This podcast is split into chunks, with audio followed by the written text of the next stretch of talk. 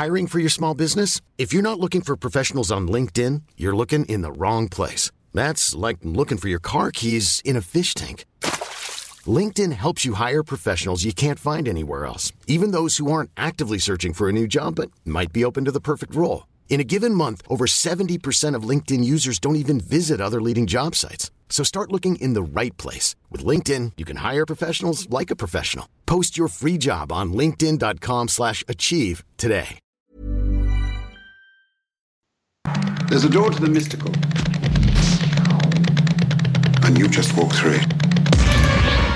Somebody brought him back from the grave. And I want to know how they did it. Death is not the end. I'll take your soul.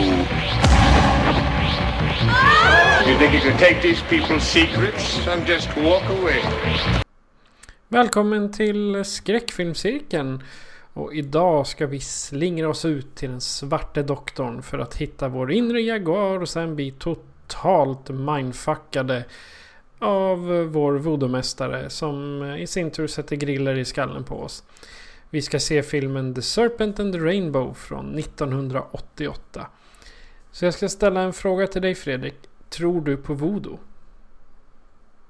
Uh, well, do you believe in voodoo, Mr Voodoo Man? uh, nej, det gör jag väl inte. Men jag tror att folk tror på det. Jag tror, jag tror att det finns de som tror genuint på det. Så, uh, för att krångla till det. Men jag ska, ju inte, jag ska inte uttala mig. Jag håller ju på att utbilda mig till präst och det är också ett trossystem. Så jag ska inte sitta på någon hög häst och döma ut andra. Så hepp. Det var ju, det var ju li, lite så de länderna blev kristnade egentligen. Att de dömde ut deras religion. Ja, det är ganska... Eh, kyrkomissionshistoria kan vara ganska dyster och ganska problematisk. Men det, det skulle vi kunna ha ett helt alldeles eget avsnitt till faktiskt. Jag är inte bäng på det. Att, Nej. Men eh, för voodoo är ju en väldigt kul grej. För det är ju liksom... Eh, man lyckades ju inte få bort ur religionen utan den snarare åts ju upp. Alltså vart en del utav den. För det var ungefär så här liksom som att ja, men vi har så många andar och fetischer och diverse olika gudar. Så den här Jesus, ja men han tar vi bara och så lägger vi till han bland de andra gudarna vi har. Så de var liksom inte väck. De här eh, andra andarna och väsena som man tror på inom voodoo-religionen. Så de bara fick en till. Så eh, den tycker jag är lite kul om man nu ska nörda på det sättet. För den religionen, kristendomen inte lyckades liksom kristna bort utan snarare liksom att den vart en del av en annan religion. Vilket jag tycker är jätteroligt. Det är lite, de, på Haiti var de lite mera Come, come, come join us. I will mm. take your Jesus and set next to mine my voodoo master and he become Jesus. And mm. Mary and the Holy Child. Mm. Typ så. Men men, hur är läget med dig annars? Så här i livet? Ja men det är bra tack. Alltså jag har haft lite år så ändlöst. Eh, har man coronan eller har man inte coronan? För det har liksom gått och varit småförkyld. Liksom. Man har känt det där i näsan. Och, eh, lite så här halvraspig i halsen. Och så sitter man där och nojar. Nej men eh, är det coronan så gör man ett test. Nej det var inte coronan. Men så blir det så här, ska jag göra det liksom veckan efter för då har det inte gått över. Han gjorde ett nytt test, nej men det var inte corona. Så det är liksom, uh, man vet inte på vilket ben man ska stå på. Det finns ju de här idioterna som går och gör testerna för att veta om de kan gå på fest. De har ju börjat, om jag, om jag förstod det rätt nu de senaste veckans presskonferenser så har de börjat sålla bland folk som eh, kommer och ska ta testerna. Att vi, vi tar bara de som är sjuka. Mm. Vi tar bara sjuka och barn mm. och kvinnor. Ja, kära någon. Hur är det själv då? Jag lever. Jag har varit, jag är lite raspig i halsen nu på grund av att jag varit ute hela dagen. Det blir alltid det. Corona! Ja, precis. Löven smittade mig. No. Och nu är det ju december dessutom. Mhm. Så det är snart jul. Det är ju första advent är det när vi, eller inte första, första december är det eh, första lu- adventsluxöppningen, woho, när vi spelar in detta avsnitt. Ja. Och vi Fick ser... lite hopp för det var lite snö ute här i helgen. Det vart ju lite kallt och lite vitt ute. Men sen gick det över. Ja, och det vart halt istället. Ja, hej hopp. Du vet, vi stadsbor vi är vana. Vi har, skri- vi har skridskor på oss när vi går ut. När det har snöat och börjar bli plus. Ja, ja. Vi ska väl säga att eh, vi hade lite trevligt förra avsnittet. Vi hade ju där våra trevliga gäster från Film till fika. Ja, Matti och Ulf. Ja, det var jätteroligt. Eh, Det var så roligt faktum att vi upptäckte att vi glömde ett segment som vi vanligtvis kör. Exakt, Vi och det är glöm- bäst att du korrigerar där nu. Ja, vi glömde Bechteltestet.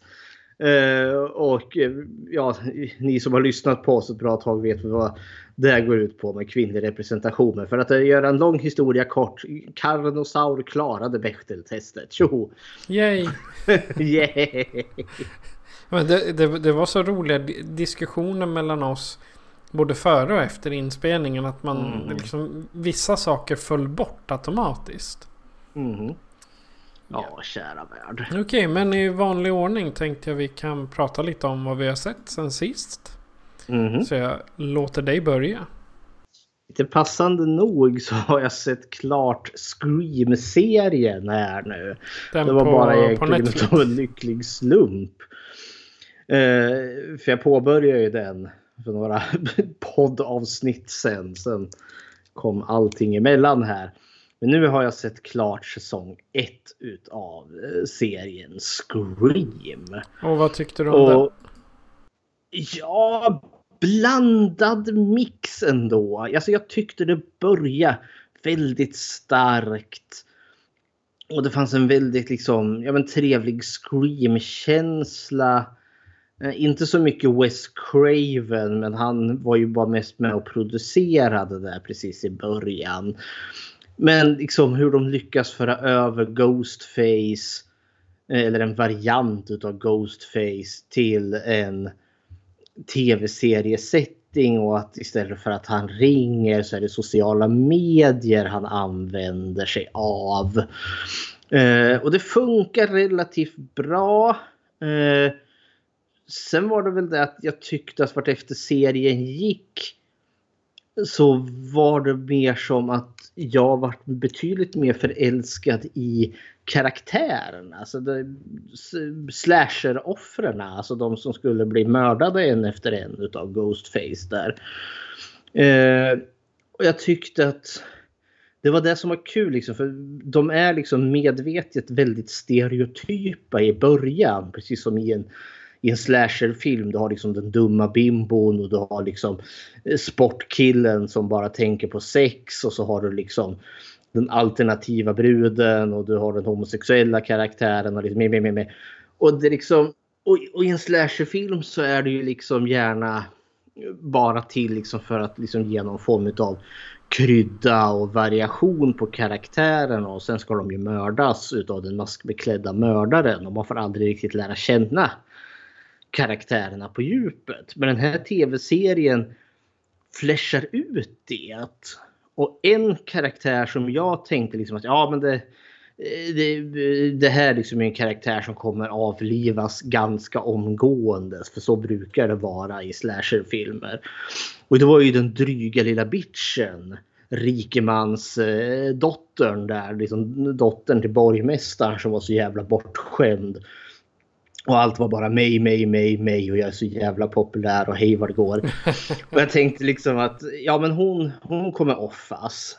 Eh, för så är det i sådana här. Men istället, eh, för de byggde upp det som att liksom nu, nu kommer mordet. Nu kommer liksom, för nu, nu, nu satt hon där. eh, Ghostface har lurat iväg henne. Eh, för att hon ska ha liksom något sexmöte med, eh, vad är det, med, med läraren som hon går i, i samma klass med. Eh, för självklart hon studerar ju inte utan hon ligger sig till sina betyg. Det låter nästan som, eh, vad heter den, Wild Things. De två Ja. filmerna. För där är de ju på läraren och Onka Onka. Bara för att få sina betyg och sådär. Det är väl också det är väl Nev Campbell med i den så då har vi liksom Scream-kopplingen. Exakt. Men istället för, alltså för det var så smart.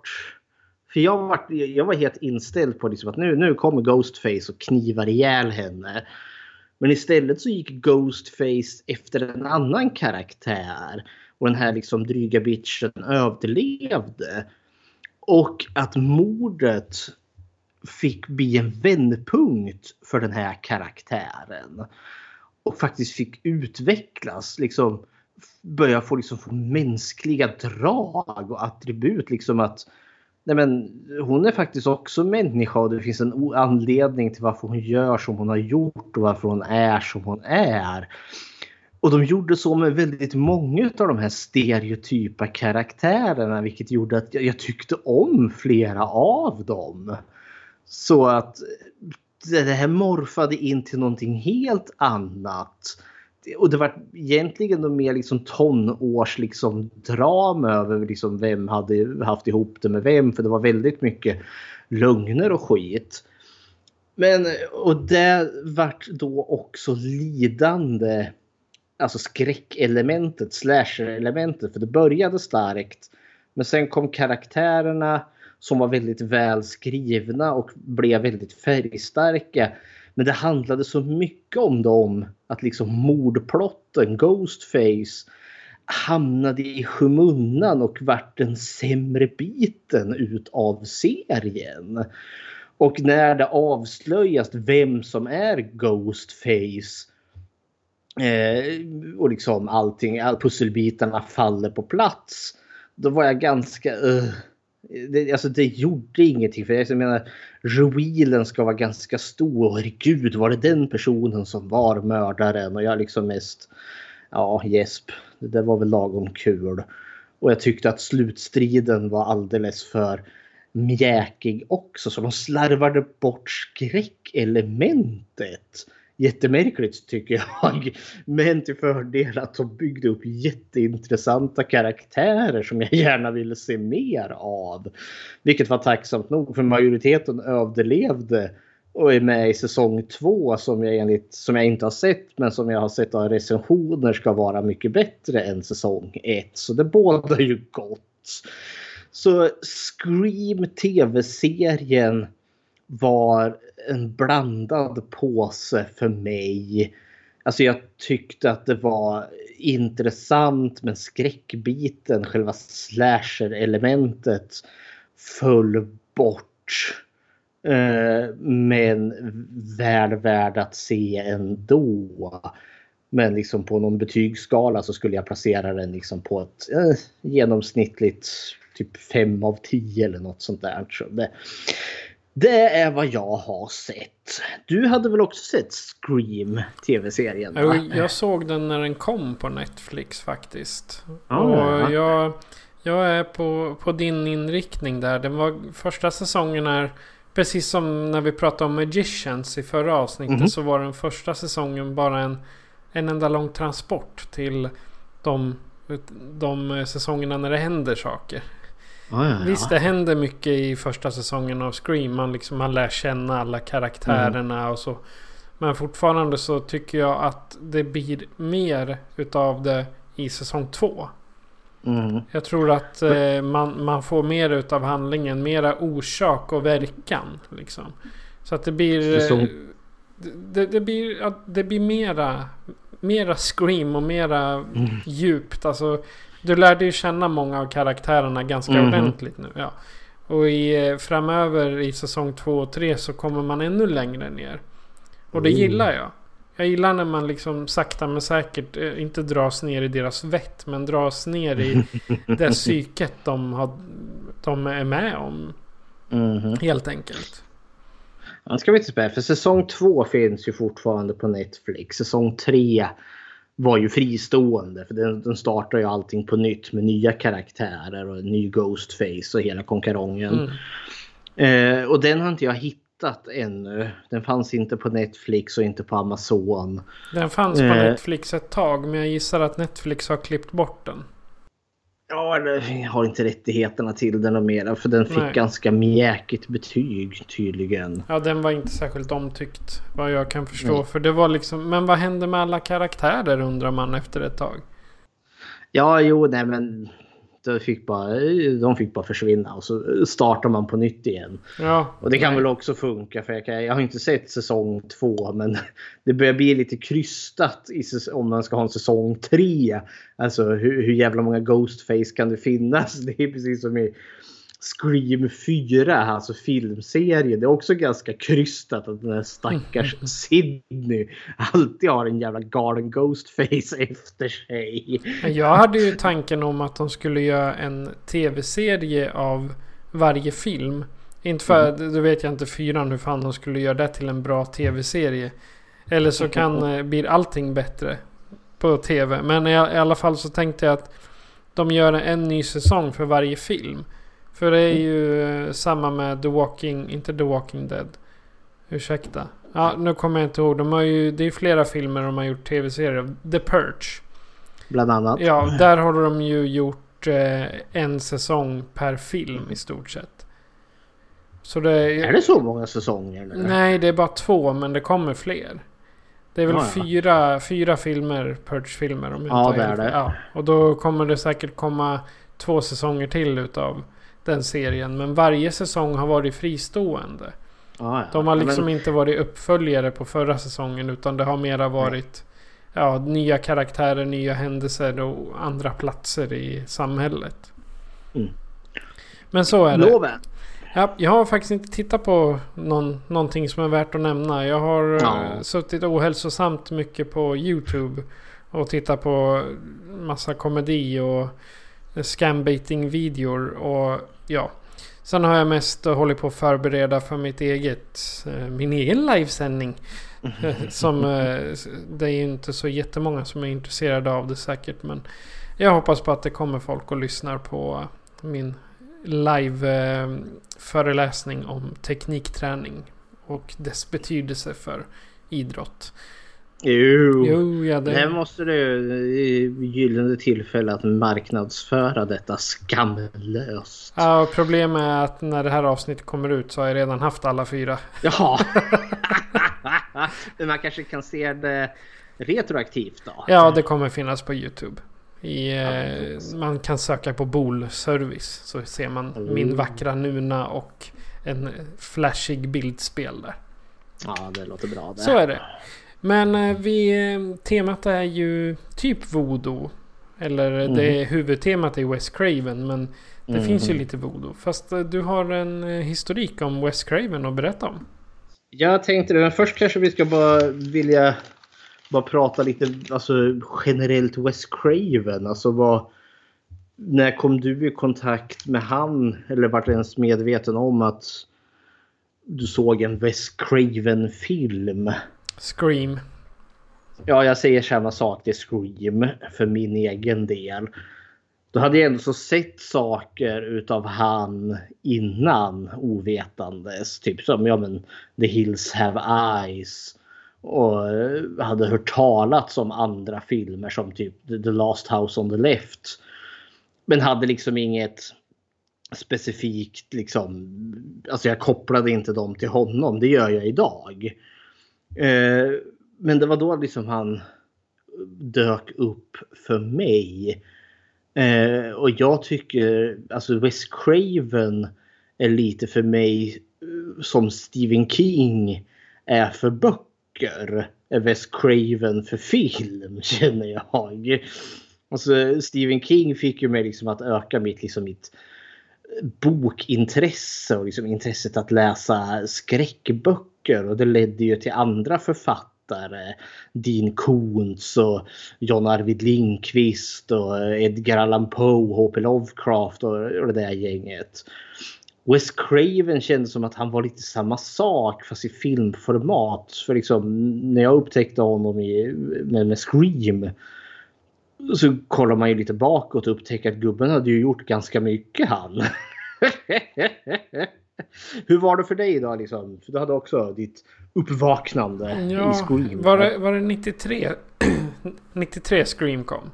96. 96. Ja, jag var inte så gammal då. Jag var bara 10. Så, Jo, men, då jag, kanske det kom senare då? Ja, nej men jag, jag såg ju Scream i de Jo. områdena. Men det var samma sak där. Jag lärde mig inte att det var Wes Craven förrän... Ja, förrän man började intressera sig för det här behind the scenes. Att vem, Mm, som har mm. gjort vad och fakta om dem. Och, och sen att man började se andra filmer. Vet vi Mm. 90-talister, vi fick ju sitta och bläddra i den här tusen filmer du måste se innan du dör. För att veta liksom vilka filmer man skulle se och, och varför. Men nu du klick, klick, klick, ta fram en Google så hittar du allting. Men på Nej, våran men- tid då fanns Alta Vista. Det var ju liksom vad vi Ja, hade att söka. Den, den sökmotorn du. Ja, den hittar man mycket sk- skit och bra saker på också. Mhm. Ja, nej men det, det är typ... eh, Jag, jag gillar Wes Craven. Jag gillar det mesta han gör. Mm. Och hans rockband är jag som också. Men jag Alltså, gissar att vi kommer till det. Eh, jag har inte, jag hade faktiskt inte koll på att han hade ett rockband. Jag visste att Stephen King hade ett, men inte Wes Craven. Ja, han startade ett rockband där mot slutet av sitt liv. Ah, men det var ju okej. mera han som pratade bakom ett annat band. som Jaha. körde. ja, kära någon. Nej men det, alltså Wes Craven, han är ju, alltså, han känns ju som att han är en av de här liksom stora moderna skräckfilmsregissörerna. Alltså jag placerar ju gärna honom liksom i samma på samma hylla som säg John Carpenter, uh, Toby Hooper. Uh, nu står det still. Det var de enda två jag kunde komma på. Men han är, han är lite samma som Boris Karloff och Vincent Price. Och det, det är lite samma princip. De, de, de, med det gänget. Eh, Ja. och, och ändå så är de liksom, de, de är storheter men jag skulle liksom inte placera dem på samma hylla som säg Alfred Hitchcock liksom som existerar på någon annan nivå. Eh, Det är som ett eget universum för Ja, honom. ungefär så. Och jag känns också liksom som att Alfred Hitchcock är liksom lite mer av allmänheten omfamnad och älskad. Eh, Medan en regissör som Wes Craven eh, har en mer nischad fanbase. För liksom, jag tror liksom att eh, min mamma och pappa skulle nog helt klart liksom åtnjuta en film som Alfred Hitchcock har gjort. Eh, och vet vem Hitchcock är eller var. Medans Wes Craven skulle de inte förstå alls vem är han eller var. Och jag vet inte heller om de skulle uppskatta hans filmer för det är liksom skräck på en annan nivå. Lite mer, ja, jag vill inte säga B men det kanske skulle upplevas som betydligt mer lägre klass än säg Hitchcock. Som gjorde liksom spänning på ett annat sätt. Medan Wes Craven har ju liksom använt lite mer chockerande våld. Som då kanske liksom märker en som filmregissör att man är mer liksom lite plump, lite mer slafsig och klafsig. Och har liksom inte samma stil och finess som säger Hitchcock. Men det här är bara jag som raljerar och killgissar så det står det härliga till. Men jag tänker liksom att av de här stora skräckfilmsregissörerna eh, så är liksom Craven en sån som lyser mest klart. Åtminstone för mig. Och han är också den, om man kollar i hans alltså, eh, regikarriär. Han är liksom den som bokstavligen har påverkat och förändrat genren. Eh, liksom, han är en milstolpe hans filmer som har lyckats slagit ner och så har man liksom gjort, gjort efterapningar på det. Eh, och han är också liksom den som jag känner liksom som har haft liksom toppar och dalar. Men liksom hans karriär har alltid kommit åter. Medan säg Toby Hooper Motorsågsmassakern. Alltså han började ju liksom erkände. Åh jättebra. Och i slutändan så gjorde ju han liksom verkligen bara dussin filmer som det, det var rent genant att se dem. Och John Carpenter har väl liksom karvat sitt eget liksom eh, vad heter det säregna stil.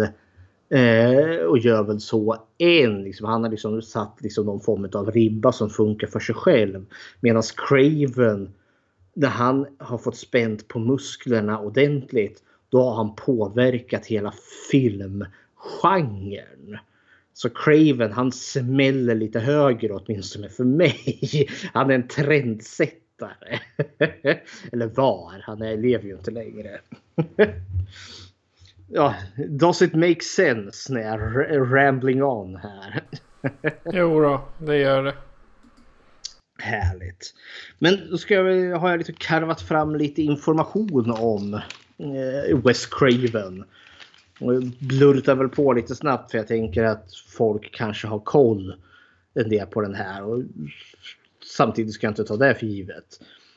Eh, Wes Craven han föddes eh, 1939 i Cleveland, Ohio.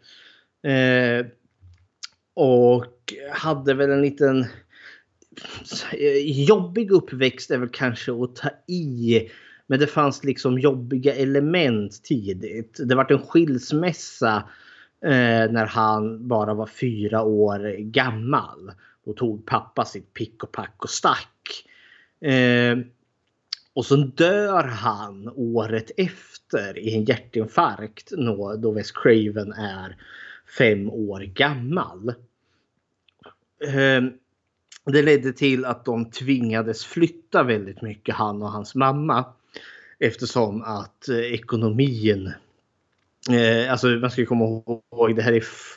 Vi är inne liksom, ja, mitt under brinnande världskrig här. Eh, och han... Alltså förhållandena var ju liksom kvinnan i hemmet och mannen som eh, vad heter det, brödförsörjaren. Nu visserligen i och med krigsindustrin gjorde ju det liksom att kvinnor hamnade i arbete för männen var ju ute i krig och eh, stred. Eh, men de tvingades i alla fall flytta för mamma Craven hade hade det tufft med ekonomin. Eh, det resulterade i att de träffade en fundamentalistisk kyrka. Eh, och det kräver liksom, när man tänker fundamentalism, det är ju Ja, men man har fundamentala galna islamister som sätter bomber och spränger sig själva i luften med massa andra typ IS eller Al-Qaida, det brukar ju benämnas som fundamentalism. Men själva... Eller extremism. Ja, fast eh, ordet fundamentalist, alltså det, det, betyder mer liksom att man är bokstavstroende. Eh, så Eh, och så finns det ju subgrupper där man är konservativ fundamentalist och man är rasistisk fundamentalist, nationalsocialistisk eller islamistisk. Ah, jag har tenderat att förknippa fundamentalism med väldigt mycket negativt och ingenting bra. Men där hamnar de. Eh, jag såg en dokumentär här, det är där jag hittat min, hämtat min information om. Med Craven själv då som berättade om det där. Och han beskrev det inte i negativa ordalag. Eh, så jag tänker liksom det, det finns väl grader i helvetet och ah, man kan inte dra alla över en kam bevisligen. Eh, för den här liksom kyrkan, eller den här fundamentalistiska kyrkan som man inte nämnde vilken det var. Eh, men eh, han säger det, det gav trygghet och det gav stabilitet. Eh, och det kan jag tänka mig med liksom, alltså församlingslivet som är ganska, för man är ganska involverad där. det är liksom, jag vet själv liksom som håller på att utbilda mig till präst inom Svenska kyrkan. För det brukar liksom vara det här liksom frikyrkan versus den före detta statskyrkan där som är Svenska kyrkan då. Och det är just det där att liksom pingst och Livets ord och äh, alla de där liksom äh, Jehovas vittnen, nej det är mer sekt. Uh, ja, de klassas mera åt sekthållet. Ja. Men jag tänker liksom Missionskyrkan och Baptisterna och liknande. Alltså de är i regel så mycket bättre på alltså skapa gemenskap, alltså den här församlingsgemenskapen än vad Svenska kyrkan i regel är. Det kan jag inte ta ifrån dem. Alltså för att man är så mycket bättre typ att engagera folk inom pingst. Att liksom göra det till någon form av eh, församlingens medlemmarnas kyrka. Svenska kyrkan är inte alls bra på det utan det är mer liksom kyrka Men, men det är också betydligt högre i tak i regel i Svenska kyrkan.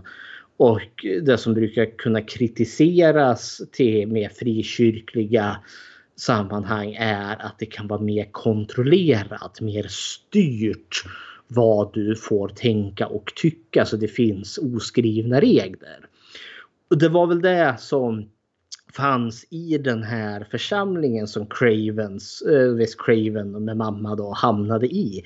Den gav trygghet, den gav stabilitet. Eh, men det fanns också väldigt mycket dos and don'ts. Gör och gör inte. Exempelvis en stor ajabaja där.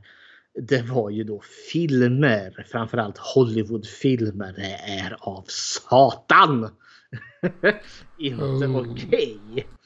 Men det fanns ett undantag för jag antar att pastorn där var väldigt förtjust i Disney-filmer. Ja, där fick Jesus seal of approval. så det funkade.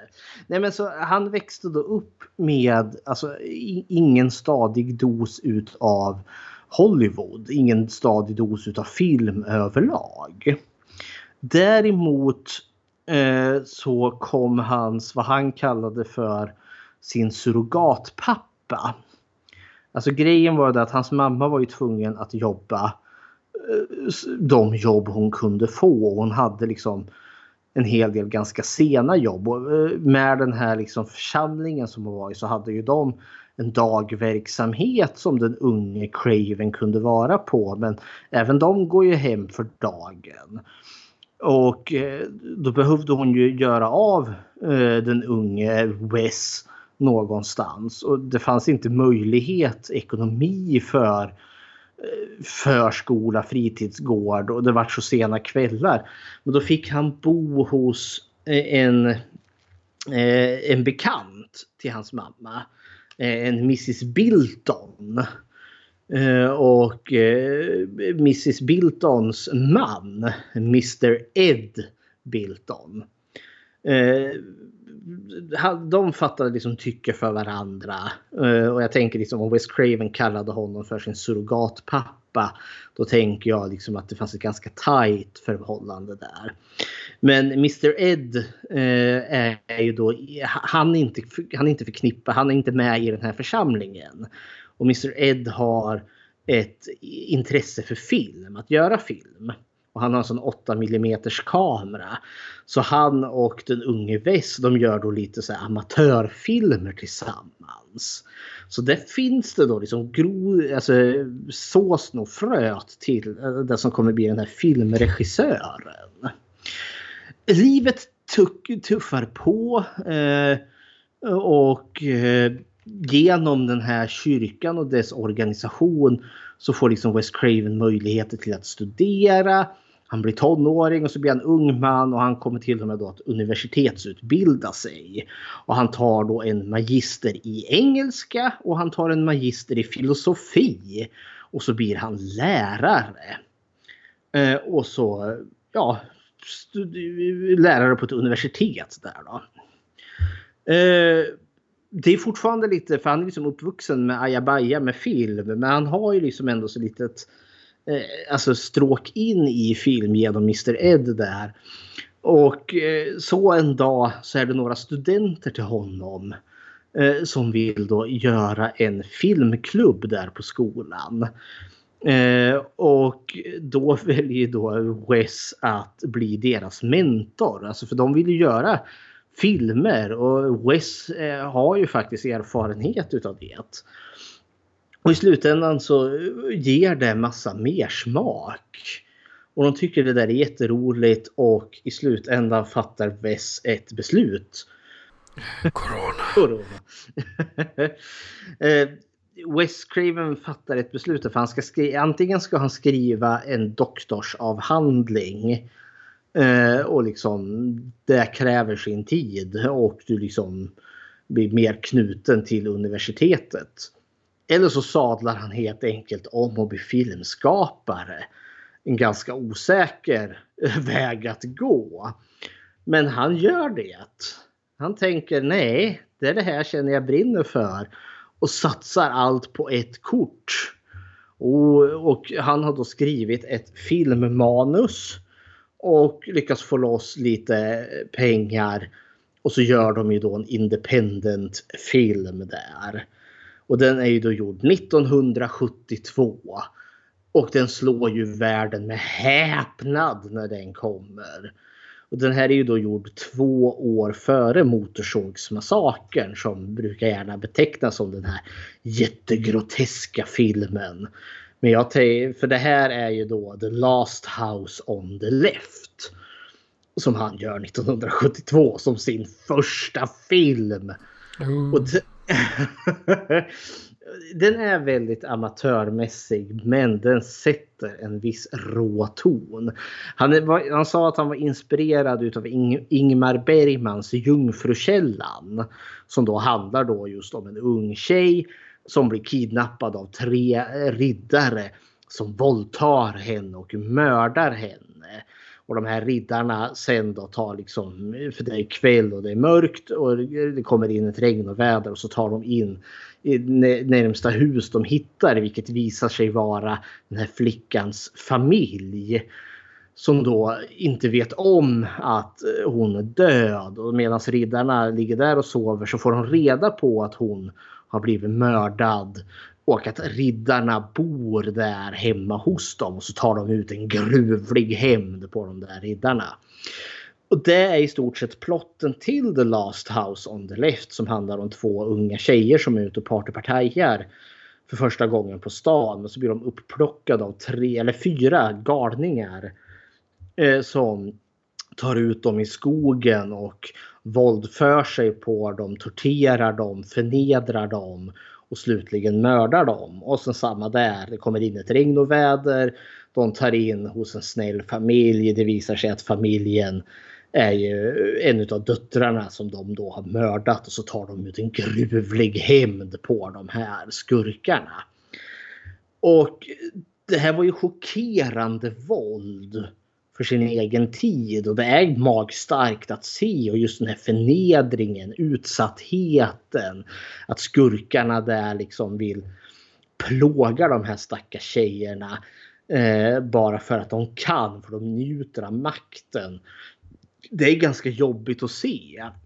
Men Craven hade ju en tanke liksom att ja men det här civiliserade världen då, mamma pappa där, ja de blir minst lika hemska för de liksom, de, jag menar, morsan där biter ju av könet på ena mannen där. Och pappan river fram motorsågen och gör slut på en av dem så blodet står i fontäner. Och liksom Craven ville visa på liksom att ja men samma eh, möjlighet till våld och groteskligheter fanns hos båda två. Hos de här förvildade kriminella lika mycket som i den puttriga småfamiljen. Och jag tänker att i och med att det fanns en tanke när han gjorde den här filmen som inte bara var till för att visa chockerande våld, alltså exploitation liknande sak. Så var det många som plockade upp utav det utav liksom lite filmkännare och förståsigpåare. Som liksom, ja ah, men det finns ju ett djup här. Och sen de som bara liksom då eh, ville liksom vältra sig i, i våld och slafs fick ju också sitt lytesmäte fullt. Och så vart det ju världens hula baloo och skriveri om den här förfärliga jävla filmen och dess rysligheter. Vilket gjorde ju att Wes Cravens namn bara sköt ju upp mot stjärnhimlen. För äh, det finns ju liksom all reklam. Det, ingenting kan säljas så bra, så bra som en mördande reklam. Men eh, så det var hans väg in i Hollywood. Så han börjar liksom med en smäll. Och samtidigt är det lite av ett problem eftersom att han eh, blir lite av en paria också. För det var ju han som gjorde den här rysliga filmen som folk och familjer och män och kvinnor liksom rasar mot. Vad är det här för otäckheter? Det gjorde ju att han var lite så här iffig att samarbeta med. Eh, men han rör ju sig sådär i, i filmbranschen. Men det gör också att han får göra lite mindre filmproduktioner och han får till och med göra eh, så mjukpornografiska filmer bara liksom för att överleva ett tag. Men tiden går och sen får han då möjlighet att producera en ny film som ska gå på bio då. Och då är det då 1978 och det är då hans andra biofilm. Och det är ju då ingen mindre än The Hills Have Eyes. så återigen skriver han in sig i skräckfilmshistorien. Om den här liksom stackars amerika, helylla amerikanska familjen som åker ut i öknen och drabbar samman med en kannibalistisk familj som bor där uppe i bergen. Som han tydligen hade eh, läst om att det fanns en sån galen familj i Skottland på 1600-talet som terroriserade vägarna kring Edinburgh. Eh, som då var någon incestuös kannibalisk familj som bara rövade bort folk och åt upp dem eller våldförde sig på dem. Så det, så det fanns ett stråk av sanning i The Hills Have Eyes. Men med det så liksom då lyckas han Eh, ja, liksom verkligen bli ett stort namn och kan göra film nu. Sen är det liksom verkligen upp och ner i hans karriär här, alltså i filmskapandet. Eh, 81 gjorde han en film som heter Deadly Blessing. Och sån skräck i amish kultur. Och den var väl så här, eh, varken bu eller bä. Men det är lite kul att för det är Sharon Stone som är en ganska stor skådespelerska. Det var hennes första film. Oj. Ja, så där. 1982 gjorde han då The Swamp Thing. Och det är ju då en, en superhjältefilm efter en serietidning med samma namn som DC Comic har gjort. Eh, det är samma bolag som gör Stålmannen och Batman.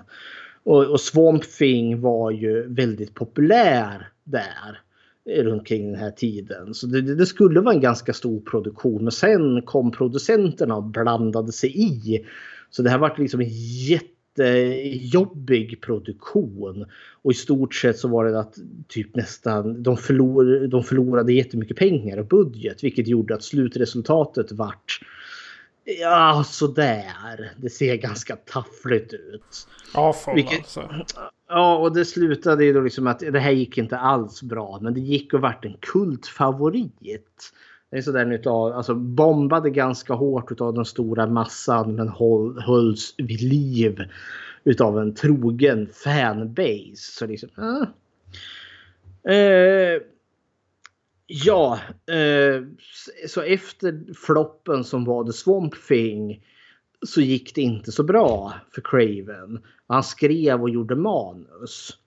Eh, åren som följde Swamp Thing Eh, Eh, så kom han att läsa en artikel eh, om en, eh, en familj som hade då migrerat från Kambodja till USA.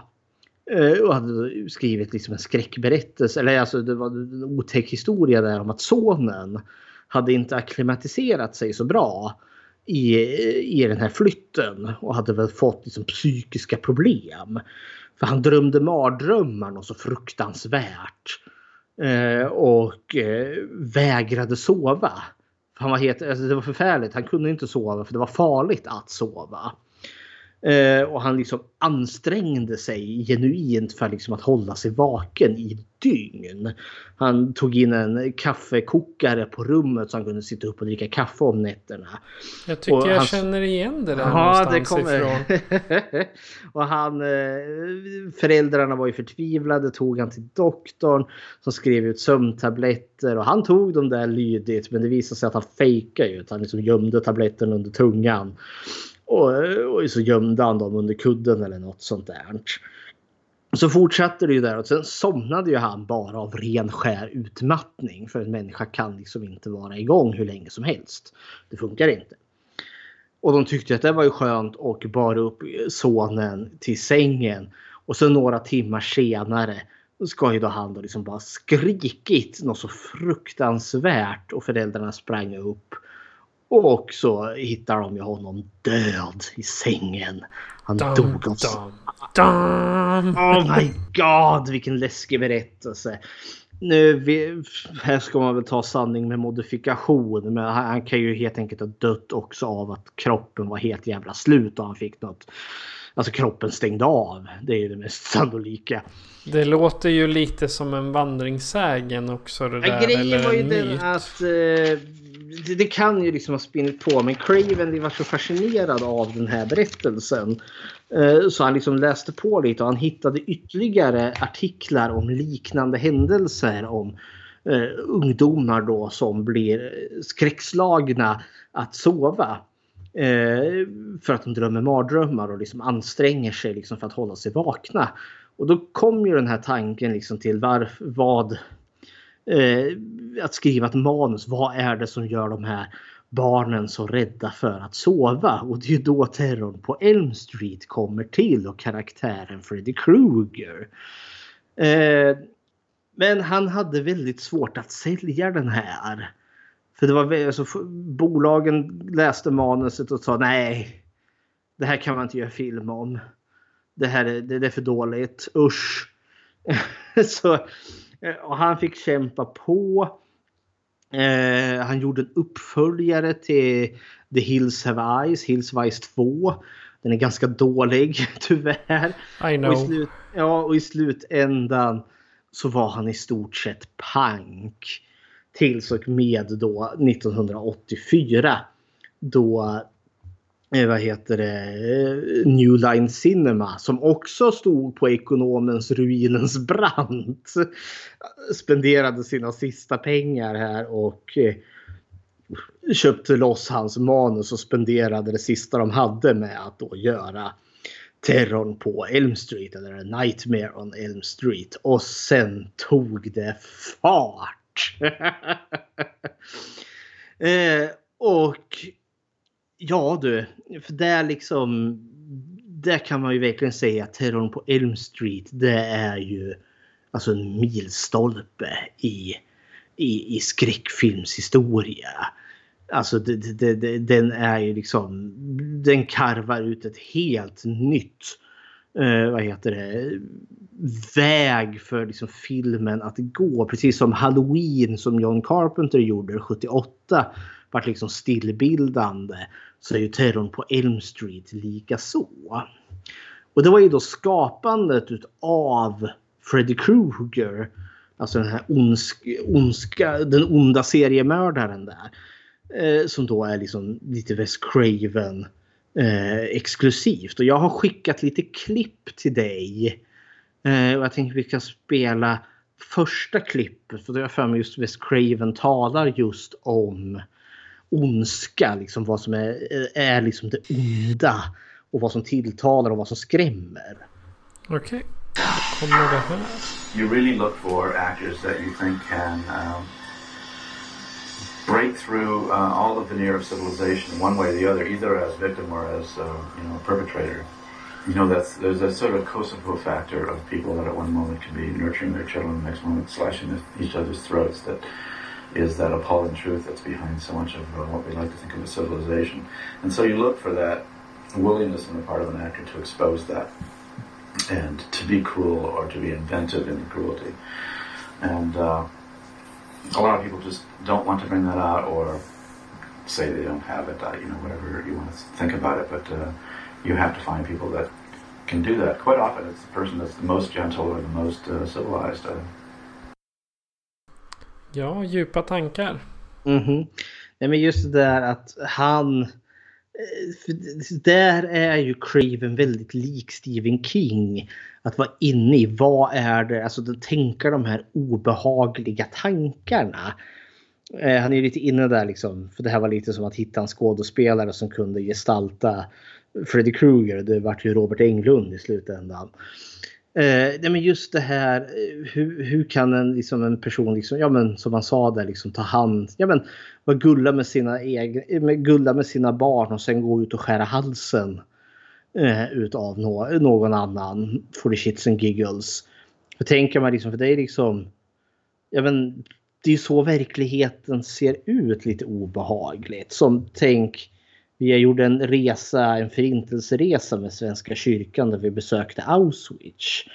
Och det pratar, vi var guidade utav några historiker som pratade bland annat om Heinrich Himmler, han arkitekten, eller eh, han som skulle se till att förintelsen hände.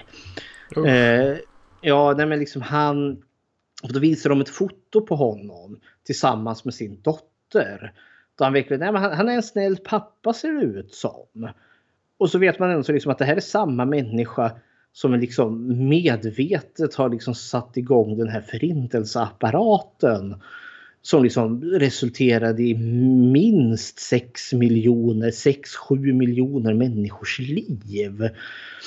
Eh, just, och det, det är just det jag tänker liksom, Wes Craven, han har liksom, han är inne i det här liksom jobbiga, obehagliga eh, och har liksom lyckats sett det och lyckats få till den här knorren på något vis och vänster. Eh, 86, vi hoppar framåt i tiden här. Eh, 86 är tydligen ett jättejobbigt år. För då är det skilsmässa på gång. Och jag föds. Och du föddes? Men det är skilsmässa på gång. Eh, det, han har blivit stämd Wes Craven för det har kommit en galning som har påstått liksom att Men du har stulit min idé. Freddy Krueger var det jag som hittade på. Så han har en jättejobbig rättsprocess där då med någon människa som ska lyckas ska ha stämt Wes Craven på 30 miljoner. Han vann inte, tack och lov. eh, Wes Craven skulle ha regisserat Beetlejuice men man la ner det projektet. Så sen var det Tim Burton som gjorde det. Och han skulle också ha regisserat Stålmannen del nummer fyra. Men det Oh. brann också ut i sanden och det var nog lika bra. Ja, men Stålmannen gjort- 4. Ja, men det Ja. räcker med 2 och 3 för att det liksom ska... eh, Ja, det, det, Stålmannen 4 är så, så dålig så den är bra. Men det hade, alltså, det att göra en Stålmannen 4. Då kan vi då gå på Stålmannen 5. Och då finns det egentligen bara en regissör som kan göra det. Jaha? Bruno Mattei. Ja. Cruel Superman. Mhm. Istället gjorde han ju, alltså, för det här var ju två år efter framgångarna med Terrorn på Elm Street. Eh, så skulle han ju göra någonting nytt och då gjorde han den här filmen Deadly Friends. Och den har ju också gått liksom inte så jättebra utan det är, storyn där är ju någon eh, Frankenstein-berättelse egentligen om en ung kille som sätter liv i sin döda flickvän genom att eh, göra henne till en robot. Eh, och det får problem i slutändan. Eh, men det tickar på. Eh, och 88 så gör han ju då den här filmen The Serpent and the Rainbow. Som vi kommer prata om här senare i lite mer ordalag. Eh, och där fanns det också ett klipp eh, som vi ska lyssna på här snart med, med Bill Pullman heter väl han. Som spelar, jo, Bill Pullman som spelar huvudrollen. Eh, för den här dokumentären så intervjuar de en hel del skådespelare som hade arbetat med Craven. Och det som var så genomgående med dem var att nästan alla beskrev Craven som den här lugna, sympatiska och väldigt trevliga människan att arbeta med. Det är inte den här demonregissören. Men jag tänker vi får lyssna på eh, eh, ja, lite vad Bill Pullman säger om Craven. He has good friendships that he's maintained uh, through his career and ups and downs and ins and outs, and he's remained very steady guy. You know, it was the only the movie I did with him was the only movie I ever did where we had a reunion of the crew, and this was like seven years after we made the movie. So you know, it was a testimony to kind of the thing that we all did together and his sense of loyalty and friendship. You know, that really um, was kind of a lasting thing you bring away from the pictures you make with him. De tycker om Wes Craven uppenbarligen. Ja, och vi ska, för vi kommer nästa film han gjorde var ju då den här Shocker eh, 1989. Och tanken där var ju lite att alltså det var ett nytt försök att starta en ny franchise som skulle få till en ny Freddy Krueger karaktär. Nu vart det inte så. Eh, men plotten där är liksom en, eh, en dödsdömd fånge vid avrättad i elektriska stolen. Men han kan lyckas, han, han, blir, han blir typ ström på något vis och vänster och kan liksom hoppa från elektrisk apparatur till apparatur. Och då fortsätta liksom mörda folk. Men är då liksom har den här Freddy Krueger mentaliteten. Eh, och då hade vi ett till klipp där då för att just belysa att, att Craven verkar vara en ganska trevlig person. Och det är då eh, skådespelaren Mitch eh, P. Och jag är hemsk på namn. Mitch Pileggi. Pileggi. Mitch Pileggi. Kanske mest känd som Skinner från Arkivex, FBI-chefen. Men Mitch Pileggi det är han som spelade då eh, mördaren. Han som var tanken att bli den nya Freddy Krueger liknande skräckfilmsikonen. Okay. Men han hade lite, vi ska ju lyssna på vad han säger om Wes. You know Wes has always been great about just, just letting me do what I do. And um, you know, if there's if there's anything that needs to be tweaked, then he'll just he'll, he'll come up and, and let me know. But uh, he's he's great about that. If it's if it's uh, if it's going right, he just uh, uh lets you go. Um, when I did when I worked with him on Shocker, uh, there were times when he uh, he wanted more from this character, and the character was just way out there as it was. And he'd say, "Okay, give me more in this. Give me." And I'm like, "Oh, Wes, man, it's so far out there. I don't know if I can." And he goes, "Yeah, you can." Sometimes I'm a little gullible, and I don't I don't know when I'm being you know my leg is being pulled. So there were there were times when I was like, "What?"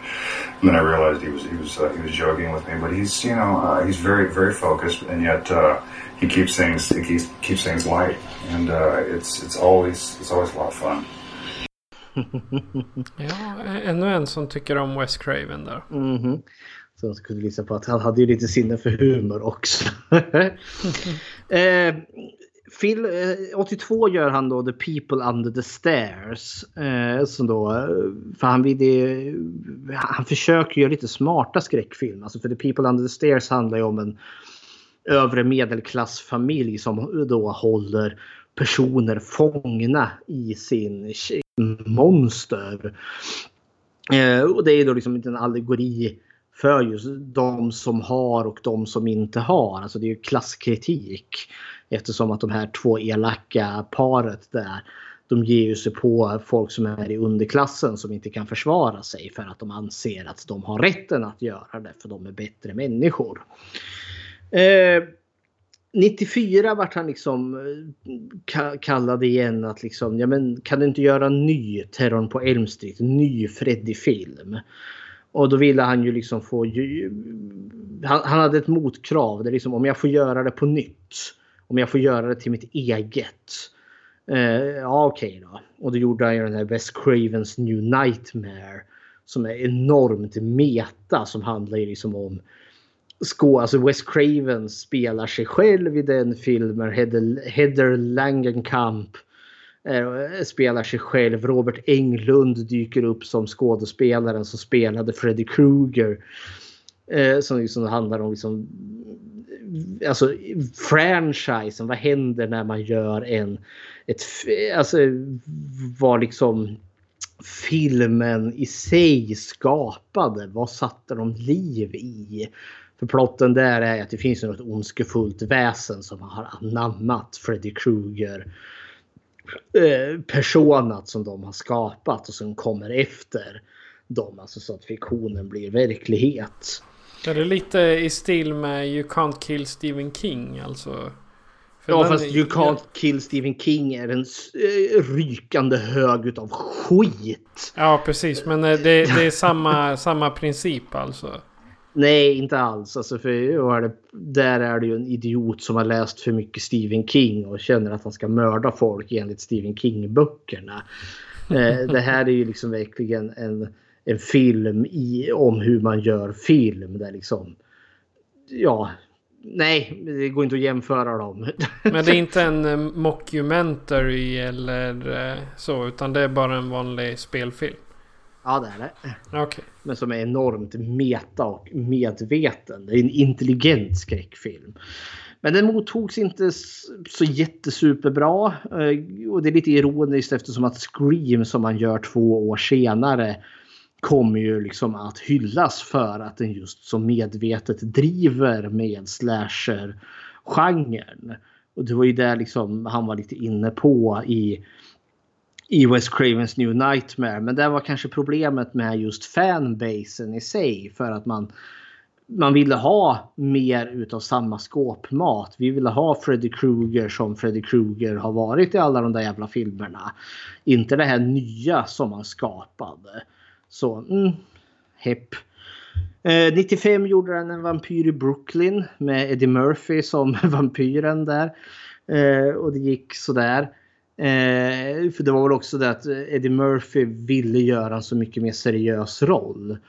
Eh, men produktionsbolagen skrek liksom nej du är en komiker så det måste vara komedi vare sig du vill det eller inte. Så, Ja, sen Ja. hur, eh, hur eh, pass seriöst man kan ta en, en vampyr med stor mustasch i Brooklyn. Liksom, om bara området skriker ju nej inte vampyr. Jag, jag tänker det- mer maffia. Ja, nej, men alltså det, det går ju. För ibland liksom om man nu inte eh, tvingas typecast. Jag tänker Robbie Williams spelar ju mördaren i Som, Insomnia. Eller den här galningen i, i One Hour Photo. Och det är ju synnerligen bra filmer. Och Eddie Murphy hade väl hoppats på att han skulle få möjligheten att göra någonting annat än de ganska tramsiga och flamsiga komedier han hade gjort. Och i slutändan så vart det tvingat att bli en tramsig flamsig komedi. Så kommer vi då till Scream. Då eh, han återigen skriver om skräckfilmsvärlden med den här självmedvetna, självkritiska och självrecenserande eh, skräckfilmen. Eh, och där har jag också ett klipp som vi ska lyssna på. Came to me first uh, with a, director of development uh, that was working for me at that time, Lisa Harrison, finding it and sending it to me said, you have to read this over the weekend. There's going to be a bidding war on Monday, and uh, we'd like to get Miramax to buy it for us. And uh, I read it, and um, this will this will really be ironic, but I said I don't want to go there. The opening scene with Drew Barrymore, um, at that time, of course, was not Drew Barrymore, but I just felt it was so violent and so much back where I had started that I thought, um, I'm, I'm going to screw up my karma if I do this. So I passed. And uh, it was bought by Miramax, and uh, we were developing something else with them for almost a year. Um, actually, The Haunting. Uh, at a certain point, they decided they didn't want to do The Haunting, and the scripts were not to their satisfaction. It went into turnaround, and he said, you know, but we have another picture we want you to do Scream. I said, I've seen it. He says, um, we think you should do it. And I passed. And then I sat and I thought, you know, a lot of the interviews I do with kids, they say, you know, Last House was your best film because you really kicked ass. And I thought, am I getting softer? What is it, you know? Um, I said, okay, I'm going to do one more kind of to the wall horror film. And called up Bob and he says, Bob Weinstein. I said, okay, I'll do it. Jag, jag tycker han är väldigt öppen med hur han eh, har, eh, alltså hans liv som regissör. Mhm. Eller producent, eh, lika. Ja, jo, men det fick vi lite höra om att han var ju tveksam till att göra Scream. För att den var för våldsam och han kom ihåg sin start där. Med stormen som vart med Last House on the Left. Eh, tills att fansen hörde av sig och hyllade ju honom just för The Last House on the Left. Eh, och han var lite orolig där att aha, har jag blivit för, för vek? Och så gjorde han då Scream. Och sen då pang slog det till. Eh, han nämnde ju Weinstein som någon kanske noterade. Så han arbetade ju med bland annat Harvey Weinstein. Idag kanske mest känd för eh, metoo-historien om de kvinnor som han har förgripit sig sexuellt på. Och nu sitter och skakar galler med all rätta där för våldtäkt. Så det, det, det, var lite jobbigt när jag såg dokumentären han började prata om bröderna Weinstein och, och hans samarbete med dem. Det var liksom såhär, uh, nej, oh. men det här är ju några år innan. Ja, men Weinstein. Jag, jag säger ju inte att Craven höll på något sånt där. Och jag vet inte ens om han var medveten om vad Harvey höll på med. Men uh, nej. nej. Men det resulterade i... Eh, de skrev, han skrev ju kontrakt med Weinsteins. Uh, att regissera tre filmer åt dem. Då. Scream vart ju då den första. Eh, och då, alltså kontraktet var då att, eh, han, att eh, han skulle regissera två filmer åt eh, Weinstein-bröderna som de bestämde. Och så fick han då bestämma den tredje själv. Eh, han fick göra sin egen film och han hade alltid velat gjort liksom en, alltså en, eh, han hade haft en dröm om att göra en alltså mycket mer seriös film. Att gå utanför sin, sin genre där då. Eh, och då gjorde ju han en film som då det heter Music of the Heart som då är en verklighetsbaserad berättelse om en, om en lärarinna eh, som blev, eh, jag skulle mm, eh, träna fiolspelande med eh, ung, barn och ungdomar i en problemklass. Eh, och hennes då resa från eh, hennes skakiga start och så blir det en framgångssaga och det var jättebra. Och den ville han gärna göra. Och då arbetar han ju då tillsammans med Meryl Streep. Alltså Oscars belönad skådespelare som liksom rör sig i den absoluta liksom klassen. Alltså högsta upp, en A-listad skådespelare. Och det var väl liksom en sån film det här var tänkt att vara och den gick väldigt bra. Den här filmen hyllad och uppskattad. Och jag måste villigt erkänna att jag hade inte den blekaste att Wes Craven hade gjort den här filmen. För jag tänker liksom bara skräck och död när det kommer till Wes Craven. Men eh, här har vi då ytterligare ett klipp eh, då med eh, bland annat eh, Meryl Streep som då pratar lite om, eh, om filmen men också om eh, att arbeta med Wes Craven. Eh, och nu tror jag klippet varit lite längre än nödvändigt. Men ja, ja, det, det, det, är kul att höra. Det är lite eh, vad folk tycker och tänker. Men det är drygt två minuter långt så det överlever vi. Music. And she works a little miracle there. They had sent me the script, which was terrific. but I uh, they they sent it to me at a point where I would only have had a month to get ready to play a violin teacher, and I thought I would probably have to learn to play the violin, and I didn't think I could do it in four weeks. But not taking no for an answer is sort of Wes Craven's specialty, and. Uh, I didn't know anything about him. I honestly, I'd never seen any of those uh, scary movies because I don't doubt them.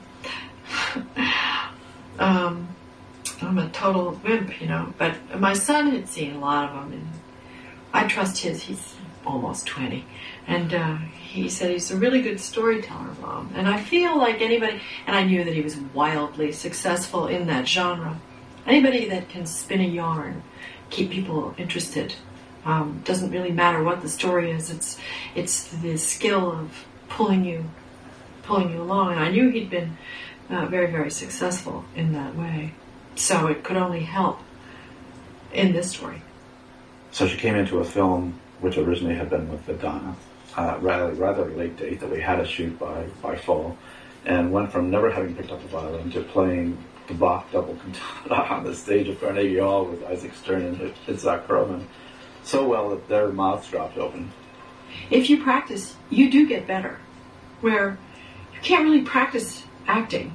You know, it's sort of this ephemeral thing. It um, either happens or it doesn't. I mean, you can get ready before you come in, but it's not the same thing. It just happens or it doesn't in a moment. Um, and so there was something uniquely satisfying in encountering and playing a, an instrument uh, in a way that was a different kind of artistic satisfaction for me. Ja. Det vart lite, kanske lite mer om Meryl Streep och hennes eh, fantastiska fiolspelarkunskaper där på slutet. Men just som hon säger där, liksom, en man som ändå så har lyckats varit så framgångsrik som han ändå så har varit i just den här specifika skräckgenren. Ja, men då, då finns det ett visst liksom kunnighet i att berätta en berättelse. Eh, och att då gå utanför den här alltså, nischade genren man är i. Det behöver inte nödvändigtvis vara dålig. För jag tänker liksom att det som är West Cravens stora styrka är inte hans förmåga att göra skräck utan att det är att berätta en bra berättelse. Eh, den sista, han var ju kontrakterad att göra tre filmer till Weinsteins. Och eh, den tredje vart ju då varulvsfilmen Cursed.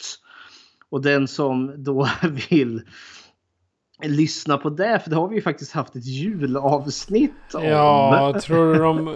Alltså, det var nog bland den sämsta filmen jag någonsin har sett. Ja, tyvärr. Ja, tyvärr så var i det avsnittet var den bara nummer två med tanke på att vi hade The Howling 3 med också. Ja.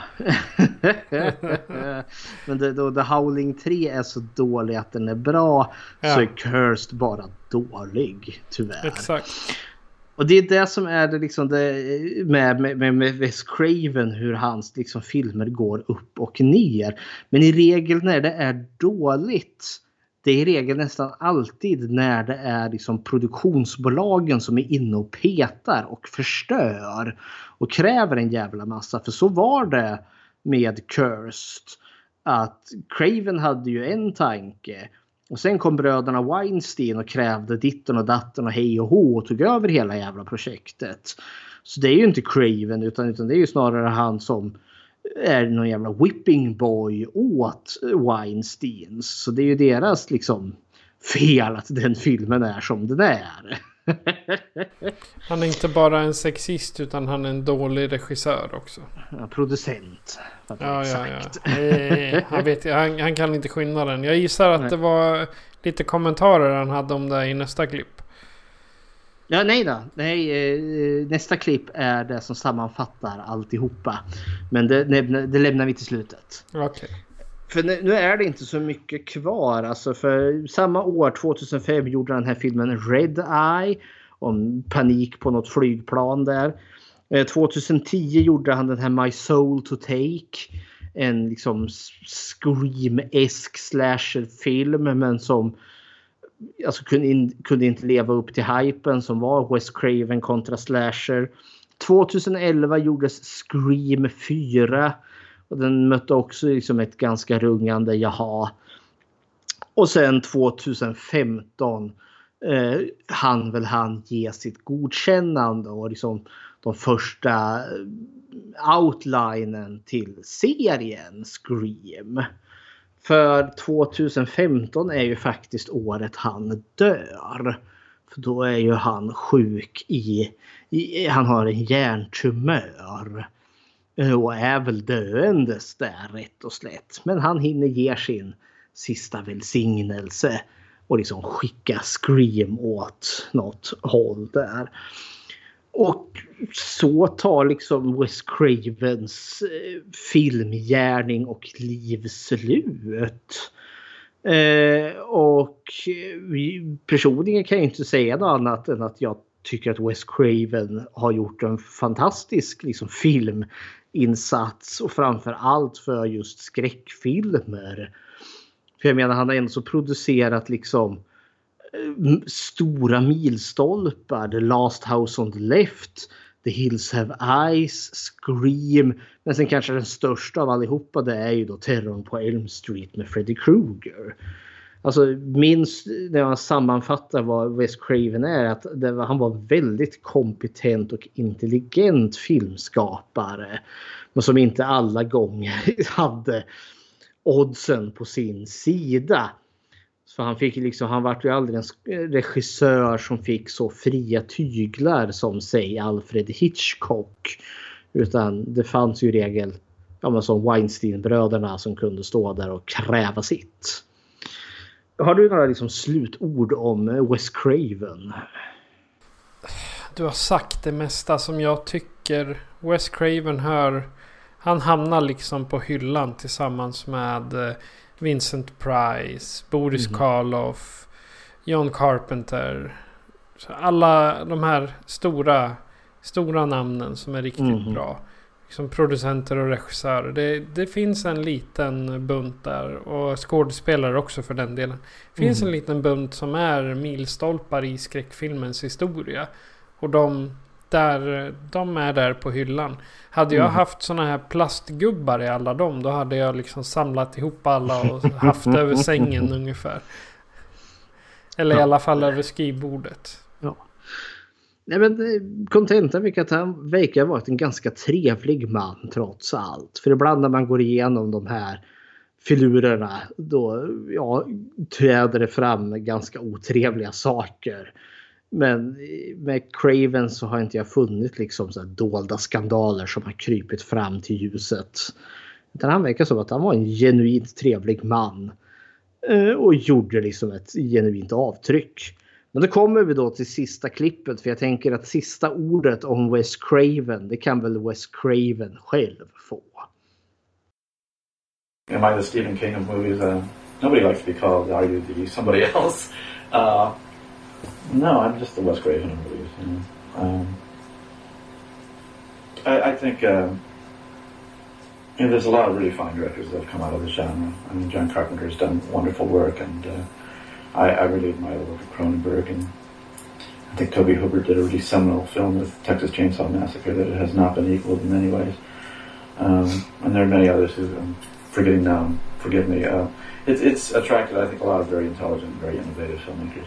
I, I, would cite a recent film, Blair Witch Project, which I think is such a wonderful, wonderful example of the sort of vitality of film itself, and especially with the new technologies of, of video and, and uh, digital technologies, that it is it's there for the for the opening. You know, it's like you do not have to depend on anybody but your own imagination to make something wonderful happen. And um, I think in all areas, a Six Eyes and Videotape was another example of a very low budget film based on that sort of video technology or that sort of semi-documentary technology. It's not necessary to do a huge, expensive film in order to make a powerful film. And I would say to them, just uh, be aware that it's going to be incredibly difficult, but it is possible, and that the technology is there for you to uh, to work on a shoestring, and to have your visions and dreams come true.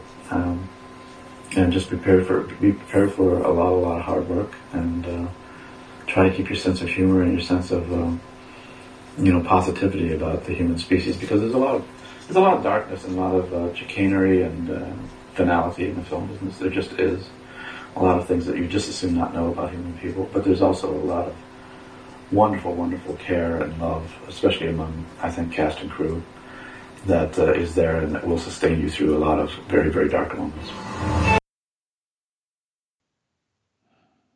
Yeah. Det var allt jag, eller vi hade om Craven. Självklart finns det väl jättemycket mer men ja, hipp. Det är Wes Craven, underbart. Men eh, utan några vidare kommentarer då så tycker jag vi far till Haiti och filmen The Serpent and the Rainbow från 1988. Och här kommer en trailer. From Wes Craven, director of A Nightmare on Elm Street. Comes a story of the forbidden world between life and death. No! There's a door to the mystical. And you just walk through it. Somebody brought him back from the grave. And I want to know how they did it. Death is not the end. I'll take your soul.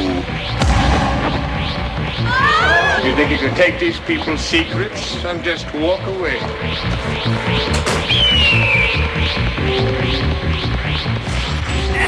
The shadows of the imagination lies the ultimate nightmare. Don't let them bury me. I'm not dead. The Serpent and the Rainbow.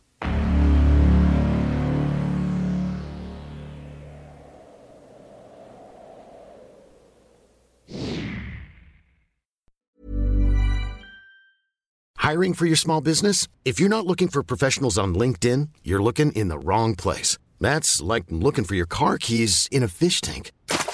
LinkedIn helps you hire professionals you can't find anywhere else, even those who aren't actively searching for a new job but might be open to the perfect role. In a given month, over 70% of LinkedIn users don't even visit other leading job sites. So start looking in the right place. With LinkedIn, you can hire professionals like a professional. Post your free job on linkedin.com slash achieve today. Hi, I'm Daniel, founder of Pretty Litter. Did you know cats tend to hide symptoms of sickness and pain? I learned this the hard way after losing my cat, Gingy. So I created Pretty Litter, a health monitoring litter that helps detect early signs of illness by changing colors, saving you money and potentially your cat's life. Pretty Litter is veterinarian developed, and it's the easiest way to keep tabs on your fur baby's health right at home. Go to prettylitter.com and use code ACAST for 20% off your first order and a free cat toy. Terms and conditions apply. See site for details.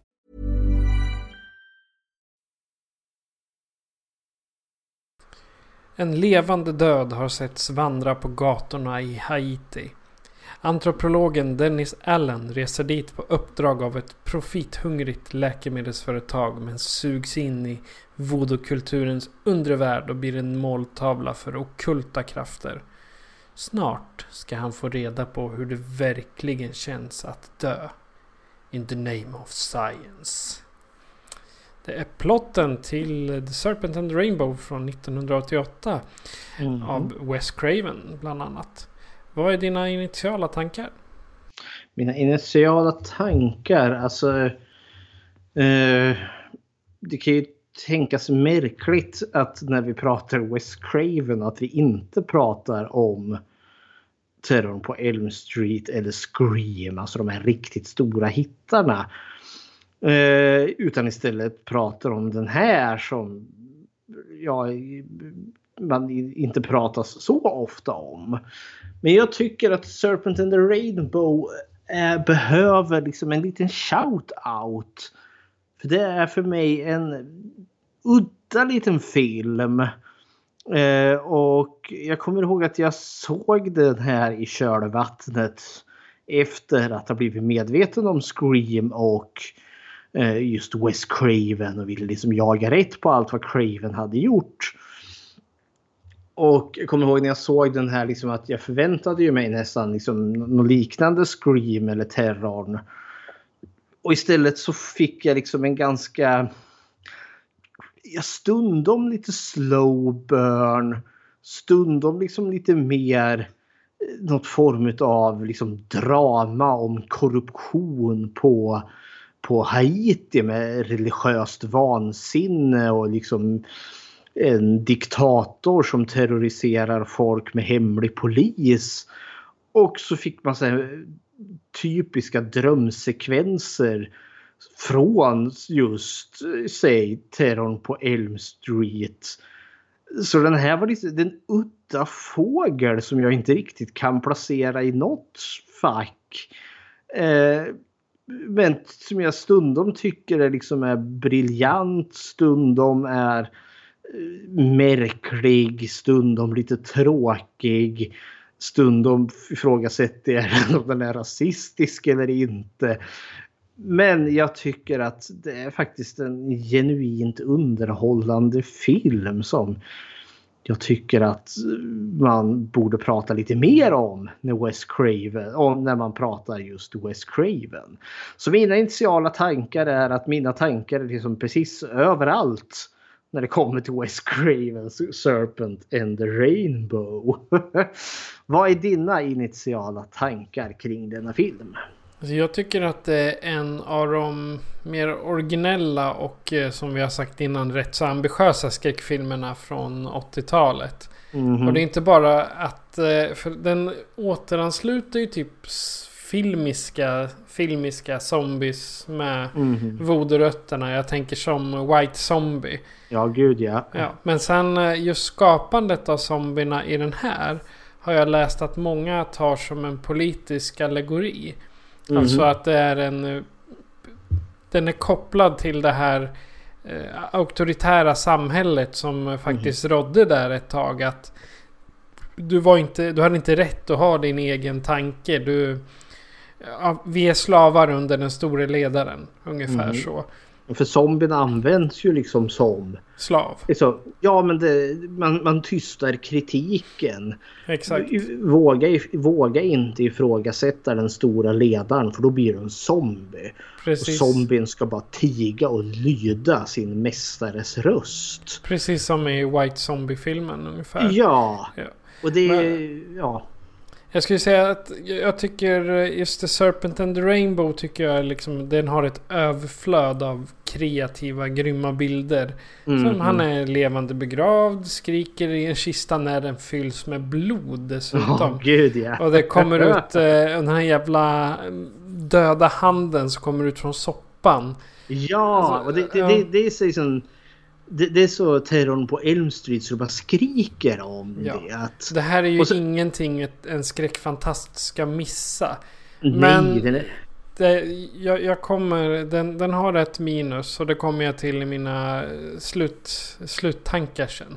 Mhm. Så, eh, ska vi dela upp det som vanligt då? Karaktärerna, platsen och hotet.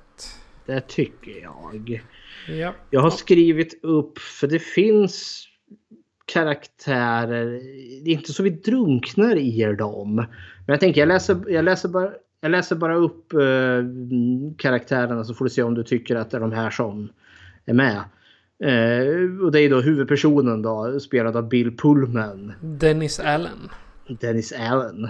Och sen hans kärleksintresse.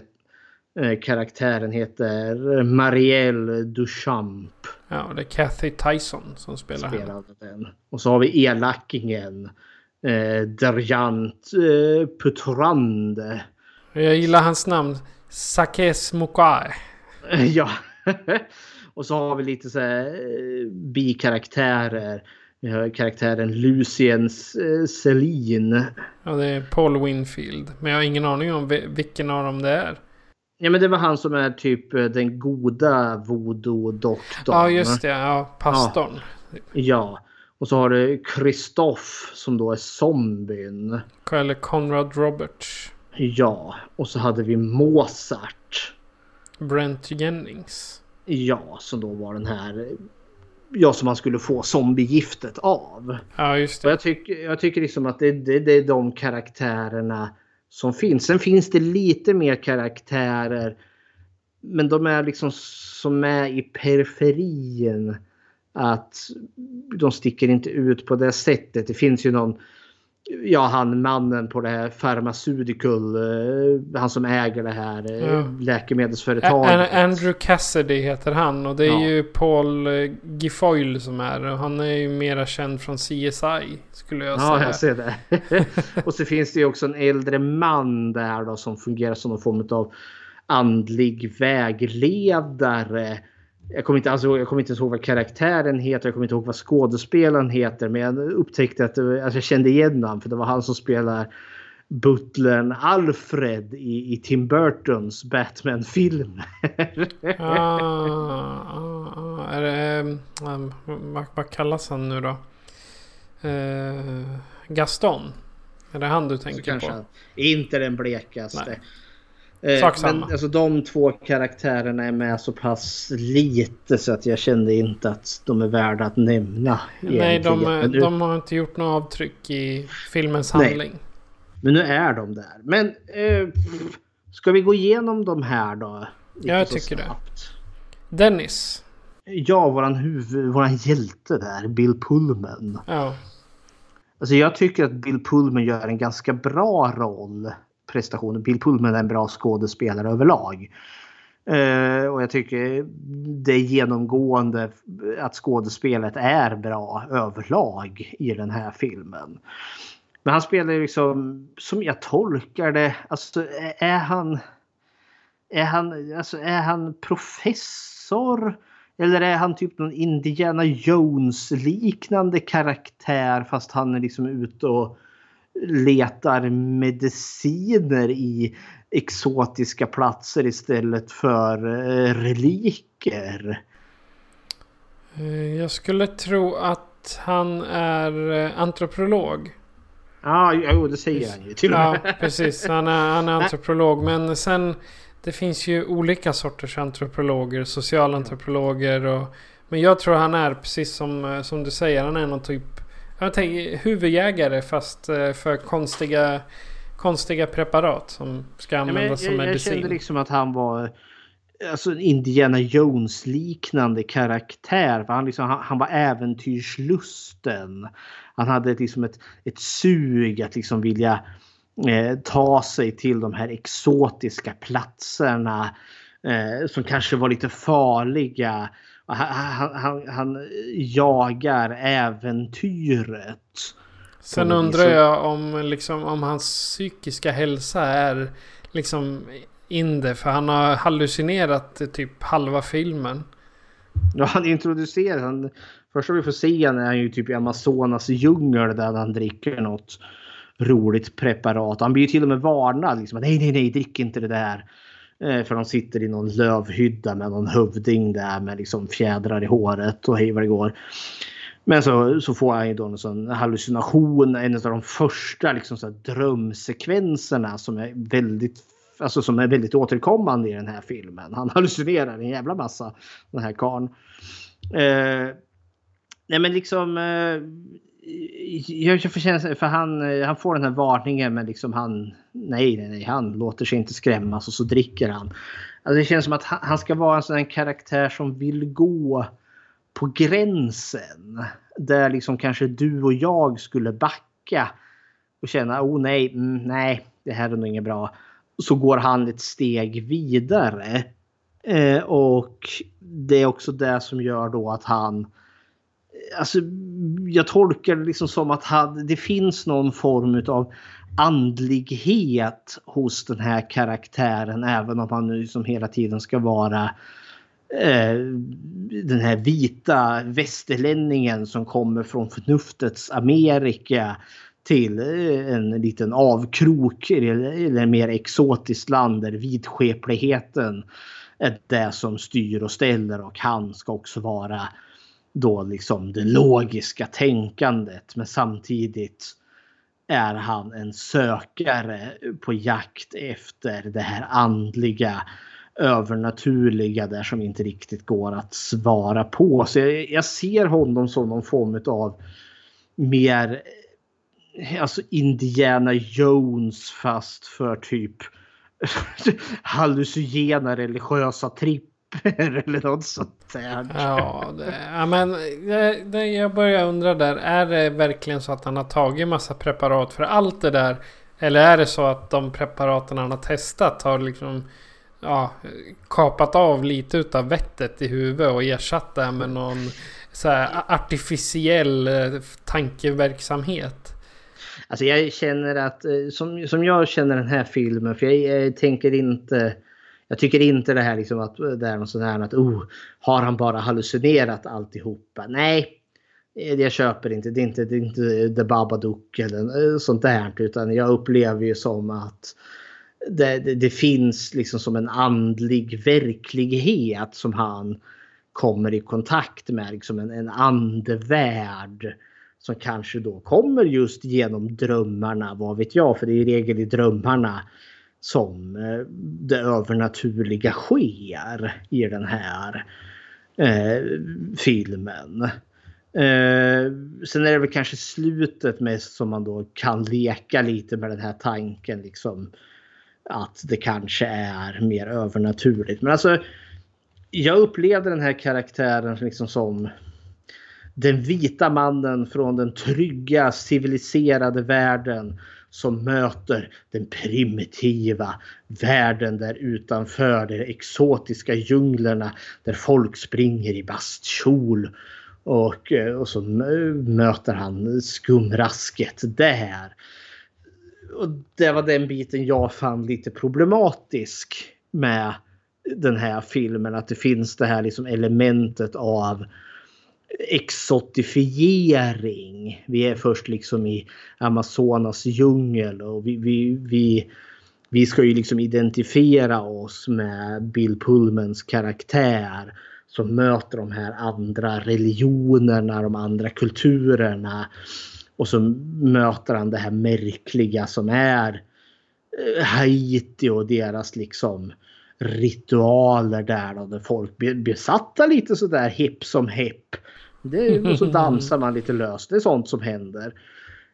Men samtidigt är den in, upplever jag den inte fördömande. Alltså han sitter inte där och skakar på huvudet åt vidskepligheterna. Utan det är snarare som att han är lite mer villig att kanske tro på det. För att en del av honom är lite öppen för den här tanken. Eller vad tänker du? Är det, är det jag som bara spårar här och tolkar järnet? Nej, men det, det är som jag sa. Det blir en kombination av det du sa att han jagar de här kickarna. De hemliga, hemliga platserna som ingen har sett förut. Och jag menar, hade han inte varit ute i världen då kanske han hade suttit hemma och snortat heroin eller någonting för att ja. liksom komma... För han verkar vara en så pass orolig själ att han måste röra på sig, han måste ta risker mm. för att få sina de där kickarna. Det är, alltså, jag, jag ser honom som en över, överaktiv... Eh, ja, jag vet inte vad man ska säga. Men ändå, ändå tycker jag det är ganska ganska speciellt att se Bill Pullman i en sån här roll. Och det, är ju, det här är ju mannen som 18 år senare gör Independence Day. Ja, som presidenten. Ja, åtta år senare. Förlåt, ja, inte 18. 18 det är lite ja. sent. Och, 20, och 28 år senare gör en uppföljare. Ja. Och sen år, året innan Serpent and the Rainbow så hade han ju gjort eh, Det våras för rymden. Alltså Spaceballs. Just ja. ja så jag, jag, tycker liksom det, det var från att vara en stor komiker till att se någon här riktig skitskräck till att bli stor. Alltså med Steve, är det, det är Spielberg som har gjort Independence Day eller hur? Eller Nej, det är ihop? Roland Emmerich. Roland Emmerich, precis. Ja, men att ändå vara en sån stor film. Mm. Så han, har, han är ju just eh, skådespelaren i sig är ju väldigt, väldigt bred. Han mm. kan mycket, om man säger så. Han kan ju det. Ja, och det är Nej, därför men... han gör den här rollen så pass bra. Ja, men jag upplever liksom också honom som att han, han är den här äventyrslustne men som också har något form av rätt patos. För, han, alltså, för han, när han kommer till Haiti så förstår vi ju att det är ju liksom det finns en tyrann här som jag då tror är en historisk person. Vi får aldrig se den här tyrannen. Eh, men liksom vi, vi, vi märker av tyrannens närvaro i form av eh, säkerhetspolisen. Och att eh, han liksom ändå är en sån där som inte låter sig skrämmas. Han liksom ser de där poliserna och hejdukarna och låter sig liksom inte ducka. Utan han, han liksom, när de står och stirrar på honom så ska han stirra tillbaka på dem. Eh, det som skrämmer honom mer är ju de här mardrömmarna, liksom de rena skräckelementen med lik och andra otäckheter. Men jag tror också att jag skulle skrika av skräck om jag var fast i, i, i ett litet rum som fylls, eller i en kista som fylls med blod. Nej men jag tänker, han, jag tolkar honom liksom som den här liksom äventyrslustna som söker konflikten. Och här så möter han då ett hot, eh, ett problem som var så mycket större än vad han någonsin hade kunnat trott. Och hamna på riktigt djupt vatten. Eh, där han aldrig har varit förut. Nej. Och sen eh, Marielle Duchamp. Eller Kathy Tyson. Vad tycker mm. du om Mhm. henne? Alltså hon är ju kärleksintresset. Och hon fungerar ju som den som blir typ hans guide in i världen som är voodoo i Haiti på gott och på ont. Alltså för hon, och hon är också någon sån här liksom sammanblandning, för hon är ju doktor. Så hon, man förstår liksom att det här är en intelligent person. Eh, hon är eh, alltså utbildad och hon är liksom eh, hon är skarp och hon kan liksom det senaste. Och samtidigt liksom är hon hon, hon tror liksom på att eh, skära huvuden av höns och eh, måla symboler så kan du locka fram andar och fetischer till eh, din fördel eller någon annans nackdel. och att det är liksom naturligt för henne. Så det är också den här liksom sammanblandningen utav den moderna som möter det primitiva i en och samma person. Eh, men hon hade ju också spunk. Alltså hon var ju också sån där som stack ut hakan mot tyrannen och hans eh, jävla sätt. Ja, och polisen. Ja, polis som är då liksom en en rebellisk karaktär. Eh, så ja, tyvärr så blir hon ju lite the damsel in distress. Men eh, i mångt och mycket så hon, hon fungerar som någon form av guide för mig. Eh, och jag önskar egentligen att jag hade kunnat kanske fått mer av den här karaktären som så obehindrat går mellan liksom modern medicinsk vetenskap och eh, Eh, blir besatt utav andar så hon kan dansa lite på gatan och har liksom inget då är det inte hon som dansar utan det är anden eller demonen eller vad det nu är. Och hon har inga problem med det utan det är liksom vardag. Det skulle vara sån här extremt bra ursäkt. Eh, någon, eh, någon, någon som håller på och vänstrar. Det var inte jag, det var anden som vänstrade med dig. Men vad tyckte du om den här karaktären? Alltså hon är den som håller ner eh, Dennis på marken. Mhm. Och också får honom att öppna sig för kulturen på Mm. Haiti. Alltså för det är ju inte... De går inte i kyrkan, sjunger några psalmer och ber några böner och sen går de och Nej. dricker kyrkkaffe. Utan här är det verkligen... Du ska ner på själanivå eller du ska Mhm. ner på under, ditt, under din själ för att hitta dig själv och du ska dansa fram eh, andarna och ja, det är ju alltså den här eh, på Haiti så är det ju rena rama gott och blandat påsen Mm. med eh, med religioner som vi sa i början där. Och det jag tänker att eh, jag fick en tanke här nu att hon, hon, hon gestaltar det här.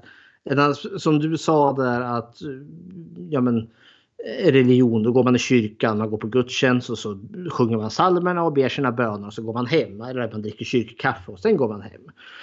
Och det är ju så där att det är ett separat händelse som du gör liksom och sen återvänder du till ditt privata liv och traskar på. Medan här känns det som med henne liksom att religionen är en del, en konstant del utav hennes liv. Det är ingenting som liksom hon går och eh, ja, till voodoo-kyrkan och eh, voodoo-dansar lite och sen går jag tillbaka till sjukhuset. Utan liksom, det är inkorporerat i alla element utav hennes liv. Och det är det jag tänker liksom som kanske hela samhället i Haiti också över de här liksom stora danserna man har. Det liksom för, för oss västerlänningar som gärna separerar de här så är det här liksom mer ihopblandat. Det är liksom inte en, en, en separat del utav din vardag utan det är din vardag. En konstant del. Och det tycker jag väl hon porträtterar ganska väl ändå. Ja. Och sen har vi då en av ondingarna, Darchent Pe Petro. Eller. Sa- Sake Smokae. Jag vet Ja. inte hur det uttalas men Sakes Mokai. Det, det är ett fint namn måste jag faktiskt säga. Jag gillar det. Och han är ju elakingen. Han är ju polischefen. Ja, och någon För- ond schaman. Ja, han har lyckats kombinera det här. Och jag tänker att han, han fungerar ju som en motpol till hon karaktären Marielle. Som då är liksom, säg inom situationstecken den goda religion, religionsutövaren. Alltså hennes tro är liksom en positiv del i hennes liv och för hennes omgivning. Medan han, Parand, polischefen där, Alltså han, han nyttjar ju religionen, alltså andarna där till att tillförskaffa sig makt. Alltså han, han har ju inte bara fysisk makt i form av att vara polischef. Där han kan gripa folk och låta tortera dem. Vilket var lite chockerande för vi fick ju en tortyrscen här. Då han slår en, en, en vad är det, en, rel, en rälspik genom Bill Pullmans eh, skrev. Aj. Ja, woo! Det gjorde ont i hela kroppen. Alltså det är en, en, eh, jag tror alla män som har sett den här Mm. känner smärtan med honom. Men jag tänker alltså, för nu, nu när vi ändå så är där, alltså Bill Pullman blir gripen utav he- säkerhetspolisen och torterad utav han polischefen där. Och den stora scenen är, alltså slutet på den tortyrscenen är när han slår den här rälspiken genom hans pung. Men jag måste tänka, alltså han, måste, han kan inte ha slagit spiken genom en pungkula. Utan han tänker, jag tänker att han har slagit den genom huden, sig mellan pungkulorna eller något sånt. Ja, någonting har gjort jävligt ont i alla fall. Ja men för jag tänker hade han slagit den genom en pungkula då tänker jag att då hade inte Bill Pullman stått upp Nej. eh, något mer liksom för liksom de- de- den, den skadan återhämtar du dig inte ifrån utan operation tänker jag. Jag är inte Men så det- duktig på medicinsk anatomi så att eh, jag låter det vara osagt. Ja, jag tänker också låta det vara osagt, men det känns mer rimligt. Men det är, den, jag, jag var så förvånad när scenen gick dit så snabbt. Och jag varit lite för, ja, ja, sak samma.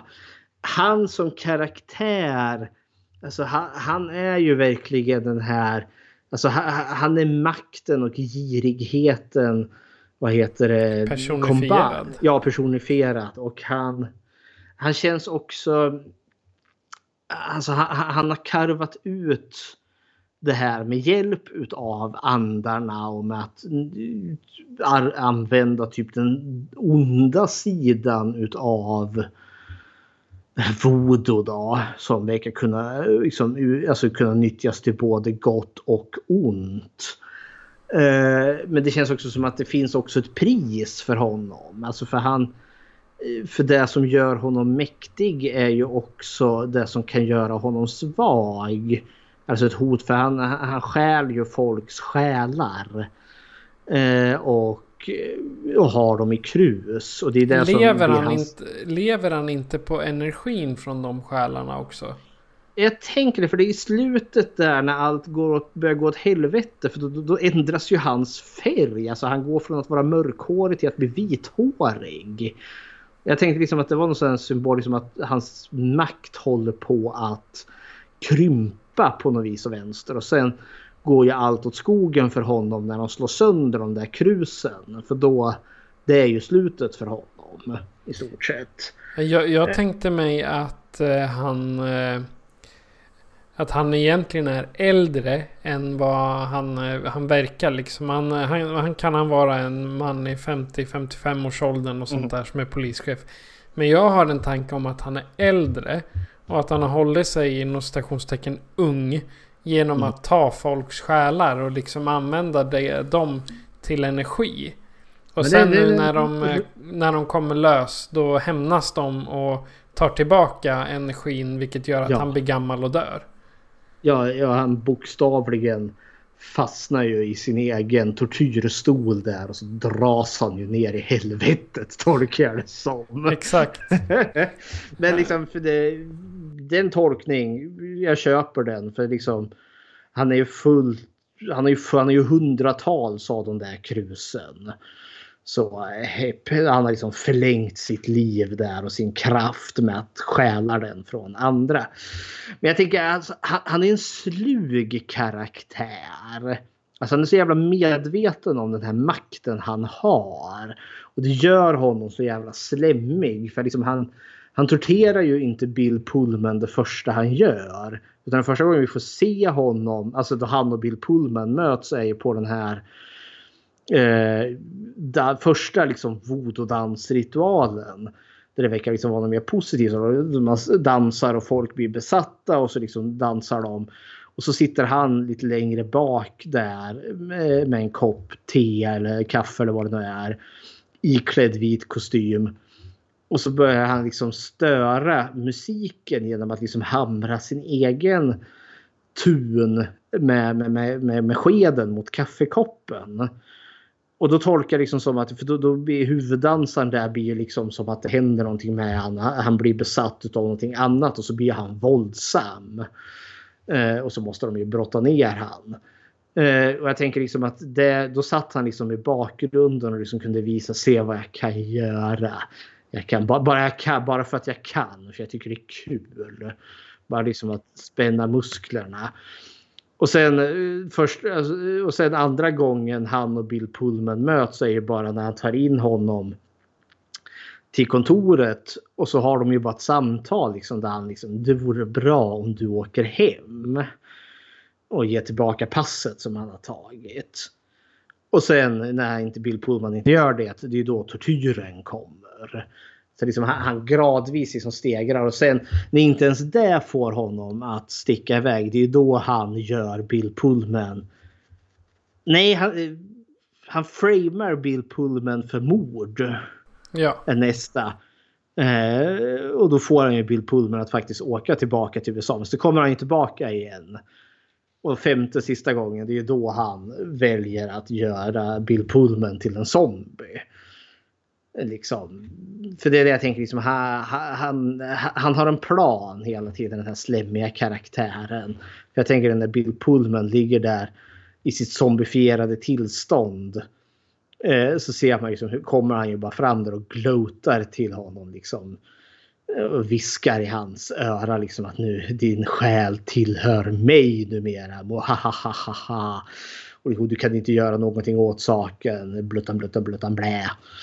Så han är en väldigt liksom slemmig karaktär som är väldigt mån om att måla upp en bild om att han är jättemäktig och eh, har ett behov av att behålla den här makten.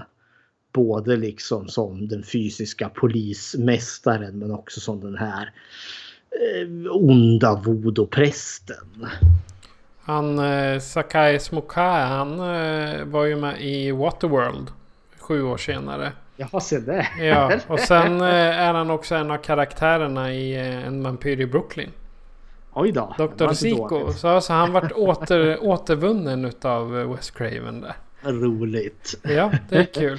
Det är, man, man tittar på, på de här karaktärerna både eh, Bill Cathy och Saka, Sakes. Alla har ju varit, är ju återvunna minst en gång i en Wes Craven-film. Nej, inte Bill Pullman. Han arbetade bara en gång. Ja, med. Bill Pullman. Ja, okej. Okay. Men uh, Cathy har i alla fall varit med. Jag kommer inte ihåg vilken. Ja. Men... Ja, ja, men alltså för... Uh, han, han, funkar som filmskurk. Han sticker ut lite tycker jag. Det är en väldigt färgstark karaktär. Han uh, porträtterar onding väldigt bra. Ja, det gör han. Han ser ut som en onding och känns som en onding. Helt klart. Okej, okay. Lucien eller Paul Winfield då? Ja, alltså han är ju typ som den goda voodoo-prästen där eh, polischefen är den onda. Eh, som, jag menar, eh, han, han verkar ju liksom Ja, men, eh, han är den trevliga. Vi ser att han eh, gifter ett ungt par. Men som ändå så. Han fungerar ju också som. Man förstår liksom att han är något högdjur. I de här liksom voodoo-kretsarna. För han kan sin skit. Och det känns också som att han är ingen duvung utan han vet det. Han har full koll på eh, den mörka sidan, the dark side of the force. Men liksom eh, är också liksom lite lätt vaksam över liksom att han vet vem som sitter i makt just nu. Men alltså. Ja, det känns som att han liksom inte riktigt vill hålla liksom samma höga profil för han vill inte stöta sig med med polismästaren. Eh, för polismästaren är lite värre. Men ja, han är ju inte med så jättemycket men alltså han fungerar ju liksom som någon form av alltså eh, den, den goda motparten. Och känns också som någon form av maktfaktor. För när han blir mördad sen närmare slutet då känns det verkligen som att shit nu har de förlorat en, alltså en tung allierad känns det som. Eh, vad, vad, tyckte du om Lucien? Alltså Lucien han var lite av en karaktär som gick mig förbi. För jag tyckte inte han... Han gjorde inga avtryck. Han var, han var där och var snäll. Det var typ så jag kände. Jag tyckte inte mm. riktigt han var någon... Nej, han var, han var inte någon som om jag, om jag skulle komma till en kyrka skulle jag säkert finna honom mycket trevlig och lugn. Och han skulle vara den som berättar hur det är på, hos dem och berättar hur det kan vara med Herren där uppe och så vidare. Men äh, ja, det, han gick mig förbi lite för jag tyckte han, han var bara där. Han var lite mm. transparent kanske man ska säga. Jag tittade på ehm, Paul Winfields lilla rolllista här också. Han mm. har ju varit med i Terminator. Jaha. 84. Han spelar Traxler. Jag tror inte det är någon stor, eh, någon, någon större roll. Och Mars Attacks. Det är en General Casey från 96. Och Star Trek 2, The Wrath. Men Just ja. ja. Ja, Wrath of Khan. Ja, han spelar Terrell där. Men det är bara små biroller. Så det är inga mm. stora. Han har inte haft någon sån här riktigt stor efter... Eh, så, som jag kunde se i alla fall efter The Serpent and the Rainbow. Han har haft mycket voiceovers dock. Mm. Så. Men så är det med det. Vad har vi flera för karaktärer? Vi har, vi har... Eh, Mozart. Ja just det, Mozart ja. Som mm. är den här lite skumma barägaren. Ja, eller Brent Jennings. Alltså jag skulle ja. kalla honom för drog... Alltså langare, typ. Ja, jo, det är ju. typ Bill, det han är. Bill Pullman är ju där för att hitta det här zombiegiftet. Det är ju det som är grejen. För att eh, de har hört om en man som har dött och kommit tillbaka. Och då tror de att, för de tror inte på magi, så då tänker de att det är en drog. Eh, och att den här drogen då ska kunna ersätta narkotika, nej inte narkotika, narkos. Eh, och den här Mozart blir den här mannen som eh, Lucien riktar dem åt för att han vet hur man kan göra det här zombiegiftet. Men alltså han är jag tyckte om karaktären Mozart för han, han var sån här eh, jag vet inte. Knarklangare helt klart, men lite så Han Solo. Eh, han är lite charmigt eh, kriminell på något vis vänster. Ja, men jag, jag, jag håller med dig. Ja, men han, han, är liksom en bluff. Han är en bluffkille, en trickster. Men eh, samtidigt har han också någon form av heder för efter att Bill Pullman har blivit våldsamt torterad utav eh, den onda polischefen där.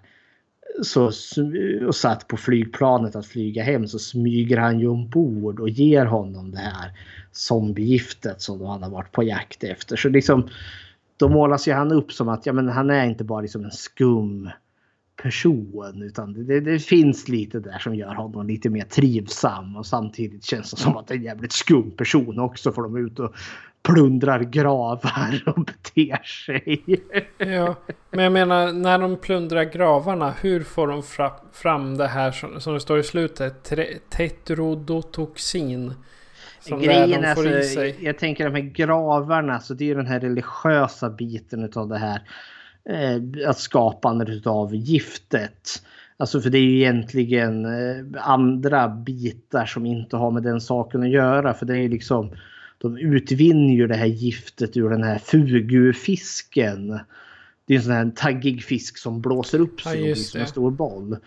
Och det är väl snarare där giftet kommer ifrån och så är det andra örter och skit. Och sen Ja. just det här då med plundringen utav graven för det här giftet ska ju liksom ligga i någon grav i 24 timmar och allt vad den här och då är det liksom den mer magiska biten. Det har liksom inte att göra med det liksom alkem- al- alkemiska. Nej. Utan det är mer den vidskepliga biten. Alltså själva, själva neurotoxinet finns ju i den, den fisken rent. Så Mhm. de behöver inte ha en massa kryddor och skit i det. Men Nej. det är, det är ju för filmen. För han blir ju också mördad sen. Han blir ju halshuggen av polischefen där. Så jag tänker liksom att... Mm, ja, av, av de här karaktärerna liksom som är liksom, ska vara kanonmaten så kanonmatas de inte särskilt snabbt. För morden är ganska få och kommer ganska i tätt följd närmare slutet. Men jag tyckte karaktären Mozart var relativt trivsam. Han var lätt att tycka om. Ja, och samtidigt var han shady as fuck. och så har vi vår sista karaktär då, Kristoff. Ja. Zombien där. Ja, han spelas av någon så mycket. Min dator hängde sig här. Ja, Av, Conrad eh, Roberts. Precis, Conrad Roberts. Eh, för han är ju liksom personen det kretsar kring, liksom zombien, mannen som dog. Alltså för filmen inleds ju med hans död, inom situationstecken död. Eh, där han då förklaras död på eh, ett sjukhus där och så ser vi hur han begravs. Och vi ser liksom hans fru står där, nej hans syster är det väl, som står där och gråter. Ja, det är hans syster. Ja, och så ser vi hur han begravs och så förstår vi att han fortfarande är vid liv för vi ser in i kistan och hur han själv gråter. Alltså den karaktär, det, det, han är med väldigt lite i den här filmen. Men alltså jag känner, för han är ju zombien så att säga. Han är zombien som kom loss. För han är också liksom zombien som har lyckats, för de möter fler zombies som har blivit utsatta för liknande. Men han är den som liksom har han, han kan prata, han kan resonera på något vis och vänster. Men alltså han är jättetrasig. Han, liksom, han bor på kyrkogårdar. För han känner liksom att han är ju död så varför skulle han inte vara på en kyrkogård? För det är ju där de döda ska vara.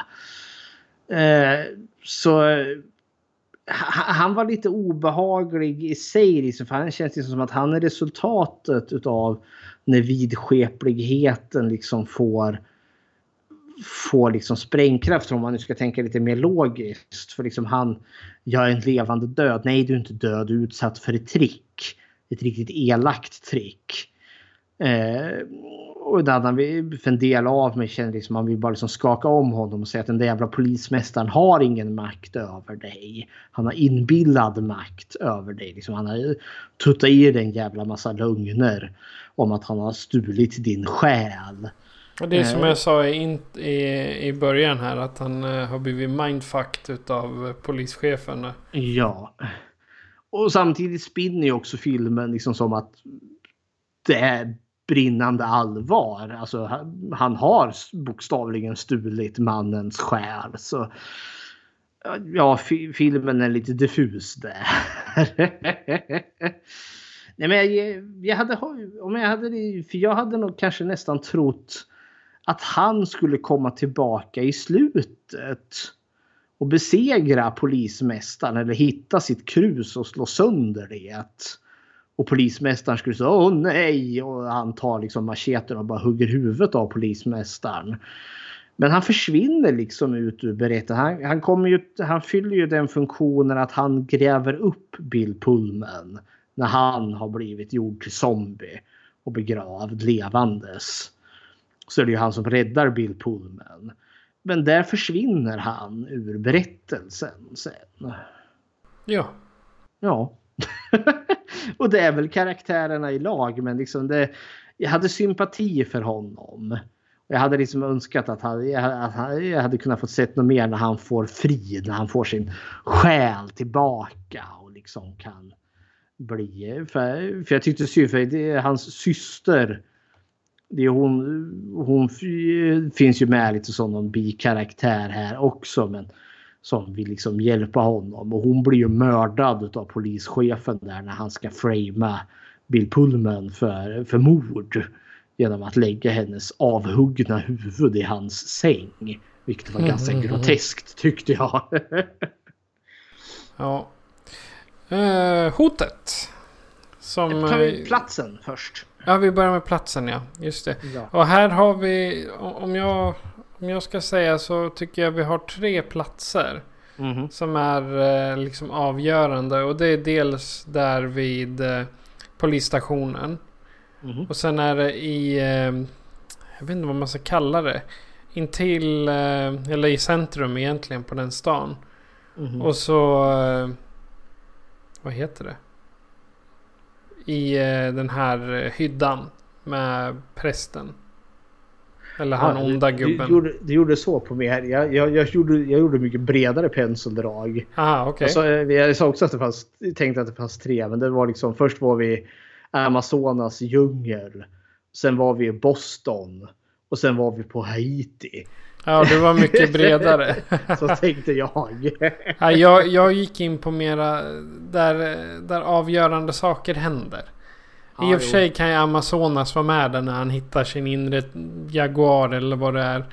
Man hittar ju sin, sin djurande. Ja, precis. Eh, och det kommer ju tillbaka i slutet liksom när hans eh, inre katt där ryter ifrån i, i den här andliga striden mot eh, eh, voodoo-polismästaren. Ja. Nej, men jag tänkte som jag, var, som jag tyckte var problematiskt med den här filmen. Eh, som jag nämnde innan att jag tycker att den exotifierar. Att vi, vi, vi, vi får följa liksom en person liksom från, från den rika västvärlden där han är van att gå i kostym och där man åker bil och liksom ja men, du, ja, men det är det som vanligt och så kommer du till den här exotiska långt bort i stan eh, filmvärlden eh, äh, där folk inte tänker som du gör. Och där är det lite mer ruffigt, det är lite mer primitivt. Det är liksom eh, och där tror man på spöken och andar och sådana saker. För liksom, det känns liksom som att när vi är på Haiti så är liksom bilden att det, det, är, det är mer primitivt. Det är liksom det folk springer barfota och det, det är slitna kläder. Det är liksom lite sunkig miljö överlag. Det är liksom lite ruffigt. Det, det är skavanker här och där. Ingenting är helt rent utan det, det är liksom sjavigt.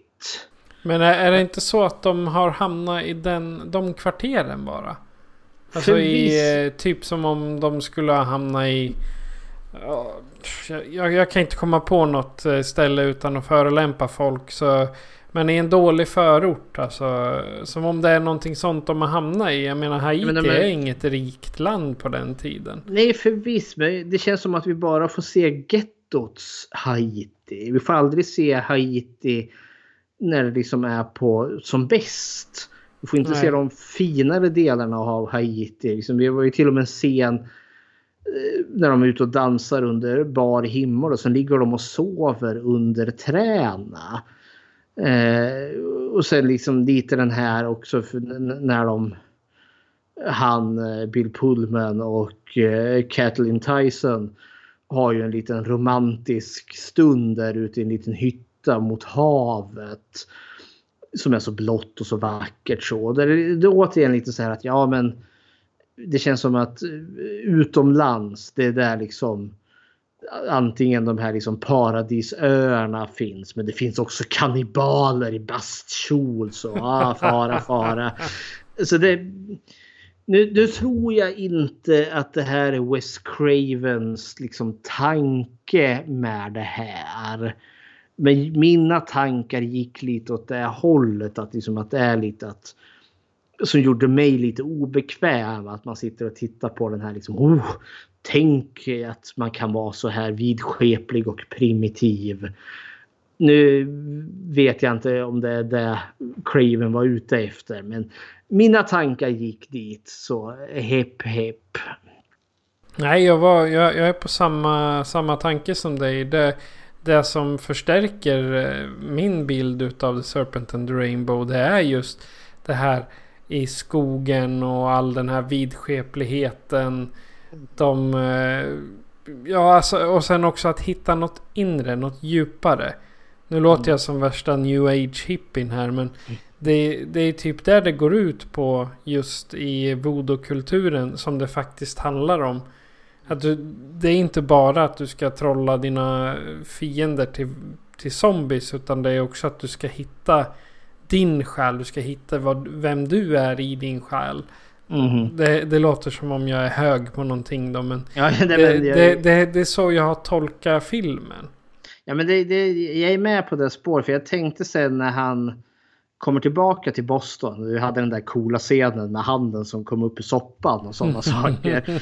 För jag, jag, tänkte just där att där är det ganska stelt. För nu är vi ju tillbaka i västvärlden i det fina rummet med, med, med män i kostym och kvinnor i klänning.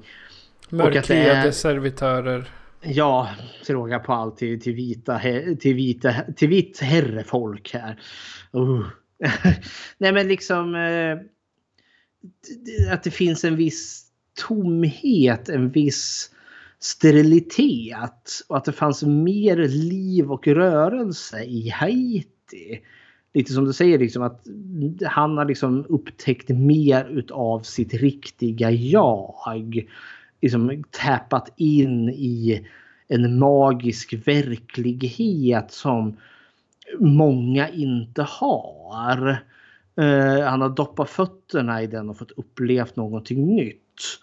Och jag tänker också polismästaren har gjort samma sak men har gjort det mycket längre och liksom är, kan liksom nyttja den till destruktiva eh, e- egensinniga mål. Medan han liksom börjar låsa upp det sanna potentialet till det som är han. Typ. ja, Ja. Halleluja. Kan vi gå till, till hotet nu innan vi flummar iväg ännu Innan vi flummar iväg all världens väg. uh, men hotet är ju polischefen. Ja, och hotet och, är minst lika flummigt som platsen. Ja. Liksom. men alltså, hotet, jag tänker säga att det är två hot. Det ena är ju liksom den här Alltså det, det, fysiska hotet som polisen och polischefen utgör. De kan gripa dig. Det är liksom den polisstat vi har att göra med. Och sen har vi den här andliga striden, liksom striden om Bill Pullmans själ. Där liksom den här eh, polischefen fungerar som en häxdoktor som försöker liksom komma åt honom och terrorisera honom i drömmarna i en alternativ verklighet. Så där tänker jag är liksom de två hoten som visserligen kommer från samma, från samma håll.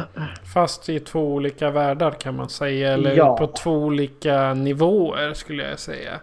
Ja men en som då liksom är verkligen grundad i, i verklighet i. Alltså jag menar diktaturer känner man ju till och liksom hemliga poliser som ja, men misshandlar och jag menar det händer ju nära oss här i Belarus strider ju folk för sitt liv mot tyrannen där. Ja, det är ju jag, frihets, frihetskrig typ. Ja, eller krig är det väl inte, men det är protester. Nej, men eh, protester, krig, ja. de, de tar ju upp kampen. Precis ja. som de gör i Haiti. När ja, de störtar eh, den där politiska tyrannen. tyrannen. Ja, ja men det, det är ju det, det, och det är ju liksom det fysiska, liksom, det riktiga hotet. Alltså riktigt i bemärkelse att det är ett fysiskt påtagligt realistiskt hot. Och sen har vi då det orealistiska hotet, det övernaturliga. Eh, och det är det här som jag tänker är det lustiga med The Serpent and the Rainbow. Eh, för liksom det är ju det övernaturliga. Det är ju då liksom de här terrorn på Elm Street drömscenerna kommer in. För jag kan liksom inte låta bli att jämföra med dem för de känns lite som, eh, alltså det känns som att jag vet inte om Wes Craven medvetet eller om han liksom varit pushad av filmbolagen. Men kommer du ihåg den där jätteframgångsrika filmen du gjorde? Ta lite från den. Det fanns drömscener här. Dröm och Wes Craven. Det låter jättebra. Kör på det. För jag tycker liksom att det är då i de här drömscenerna det verkligen blir så klassisk skräckfilm. Som det inte är när det är den här Bill Pullman versus polischefen. För då är det lite mer liksom thriller, politisk thriller. Utan det är ju så när drömmarna kommer in. Det är då liksom den här skräckfilmen kommer in. Ja. Uh, jag... Alltså... Vi har, vi, har, vi har i stort sett haft hotet i bakgrunden genom hela, hela diskussionen nu. Så eh, om vi säger så här, vad är dina slutgiltiga tankar om den här filmen? Ja, nej men, alltså, jag gillar The Serpent and the Rainbow. Uh, och samtidigt är den lite, den, den, står inte riktigt på något ben. Alltså, uh, alltså djupt, djupt förankrat i någon liksom genre. På så sätt är det liksom en politisk thriller, är det en skräckfilm, är det liksom någon form av ja, studie i vidskeplighet. Nej, men, jag tycker den är trivsam, jag tycker den är väl värd att se. Men jag kan också förstå att man kanske...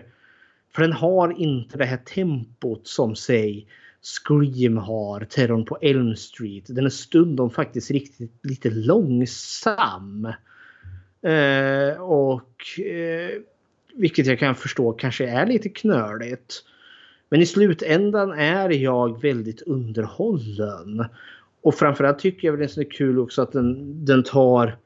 Alltså för att vara en film, en skräckfilm gjord 88 där vi hade de här ganska överdrivna skräckkomedierna som badade i specialeffekter och blod. Så är den här ganska dämpad. Eh, och ja, kudos också att den liksom ger sig på alltså zombie alltså original zombiekonceptet. Inte den levande döda som äter lik utan zombien som då är kontrollerad av en zombiemästare som stjäl din kropp och själ ungefär. Slaven Så, alltså? Slaven, zombieslaven, inte zombiekannibalen. Utan, och jag tycker, och jag, jag tänker att jag kan inte dra mig till minnes att det har kommit några filmer efter den här som så tydligt berör just den här liksom klassiska zombie zombieslaven. Utan det känns som att det här är liksom. Det, det, finns säkert om jag dammsuger så hittar jag säkert någon. Men eh, nej, på det sättet känner jag att den här sticker ut. Och samtidigt är det liksom inte en herrejösses film ändå. Och det är absolut inte Wes Cravens bästa heller. Men jag tycker den är tillräckligt unik och originell för att liksom förtjäna en shout-out. Eh, och nu har vi gjort det. Vad är dina slutord till eh, Serpent and the Rainbow? Jo, den, den känslan jag har fått så här i efterhand är att eh det här är typ en film som kanske siktade något högre än vad den kom. Mm. Det är min tolkning. Det, kan, det är säkert en tolkningsfråga från folk till folk. Men eh, jag tycker också att eh, det är synd att filmen går så långt som den går. Jag tänker med den här mega fighting scenen i slutet. där han gör liksom karatekickar och skickar upp han i, i, i väggen och taket. Ja. Och, jag menar, det, hade den här varit lite mer återhållsam på det, på våldet i slutet där. Då hade den här varit betydligt bättre. Mm -hmm. Alltså då hade, för allt som allt så ger jag den här 8 av 10. Oj. Men hade det varit så, ja, för, för jag, jag, gillar filmen i sig. Mm. så. Men hade de tagit bort all den där fightingen och så, då kanske den hade kommit upp på 8,5. Ja. Så. Utan jag gillar själva storyn. Jag gillar att eh, man tar upp lite mera. Den, även om det är, kanske är lite flummigt så är det ju trots allt en liten religiös del utav det man, Mm. man tar upp. Och jag tycker det är intressant. Och inte bara den här voodoo-mästaren som kastar förbannelse på folk för att de är fula eller för att de har vänstrat eller någonting Mm. sånt. Utan eh, jag, jag gillar det att den, den är i, i sina stunder lite djupare än en annan vanlig eh, psyki, psykologisk thriller, skräckfilm. Zombiefilm. Ja, zombiefilmer brukar vara rätt så dumma men i det här fallet så ja. Äh, det är mina, mina sista tankar. Mhm. Ja, det var The Serpent and the Rainbow från 1988. Och om du som lyssnare har några tankar om den här filmen, någon annan zombiefilm eller bara vill säga något snällt så kan ni kontakta oss så här. Skräckfilmscirkeln presenteras av Patrik Norén och Fredrik Rosengren. Besök skräckfilmscirkeln.com för att se hur du kan kontakta oss, var du kan följa oss och hur du kan stödja oss. Lämna gärna ett betyg på iTunes, Spotify eller Podbean så att fler kan njuta av våra diskussioner. Tack för att du lyssnar!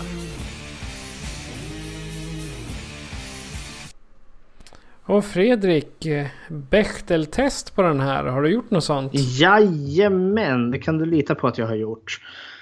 Bechteltestet är ju då kvinnlig representation i skräckfilm. Eller kvinnlig representation i film. Vi har en tes att skräckfilmer är den som fyller det här bäst. Eh, består i tre delar. Eh, ett, finns det två namngivna kvinnor? Två, möter de någonsin varandra? Tre, om de gör det, talar de då om något annat än män? Och då går vi fråga nummer ett. Har vi två namngivna kvinnor? Ja, vi har ju Marielle Ducamp spelad av Kathleen Tyson. Eh, sen vart det lite lurigt. Men det dök upp en karaktär som heter Marianne. Eh, som var ju då assistenten till han Mozart, han som gjorde zombiegiftet. Eh, möter de varandra? Ja, det gör de. Pratar de med varandra? Nej, det gör de inte. så, så då skiter det sig. så tyvärr. Bechteltestet klarar, eller Serpent and the Rainbow klarar inte Bechteltestet. Ja, och eh, när vi ändå håller på. Vad ser vi nästa gång? Nästa gång, nu går vi från fantasins skräckvärld in i verkligheten. Nu ska vi avhandla seriemördaren Ted Bundy. Hans otäcka liv. Eh, och jag kommer att se, för, förra gången vi gjorde om seriemördare då var det ju då om Jeffrey Dahmer. Och då såg vi tre filmer, hör och häpna, eh, om Jeffrey Dahmer. Och jag funderar på om inte vi ska göra samma sak den här gången. Och vilka filmer blir Och- det då? Då blir det Ted Bundy. Så Den he- eller om den bara heter Bundy. Vart jag osäker. 94 vill jag säga att den är gjord. Eh, sen, het, eh, sen har vi filmen The Stranger Besides Me. Och sen Netflix exclusive filmen Shockingly Wild and Cruel tror jag den heter med Zac Efron som eh, Ted. Zac Efron. Från High School Musical till Ted Bundy. Jajamensan, som sadlar om och spelar seriemördare. Okej. Men eh, då har vi inte så mycket mer kvar att säga än att jag heter Patrik. Och jag heter Fredrik. Du har lyssnat på Skräckfilmscirkeln. Adjö på er. Ajöken. Well, you don't know me, baby, but I seen you around. It might seem kinda crazy, but I'm just new in town. And now I wonder what you think if I said, hey, look, I'd like to get your number and a link to your Facebook. Now, if I tell you what a nice guy's supposed to, would that compel you not to scream when I approach you? You'll have to promise me you'll take this news calmly, but honestly, I'm sort of a zombie. I knew you'd be surprised, you can bet that I may not be alive, but I sure as hell ain't dead inside. What's with the shotty? I ain't wishing you harm. You see, I try to hold your hand, but I'm missing an arm. And brains are all I've eaten all week, it's true. But if my heart was still beating, it would beat for you. So let me take you to Wendy's, you deserve it. Yeah, I'm a zombie, baby, ain't nobody perfect. I'll chase you through the yard and all through the house. house into the dark. Oh, I wanna steal your heart and eat your brains. I've never been so true, but if my heart was still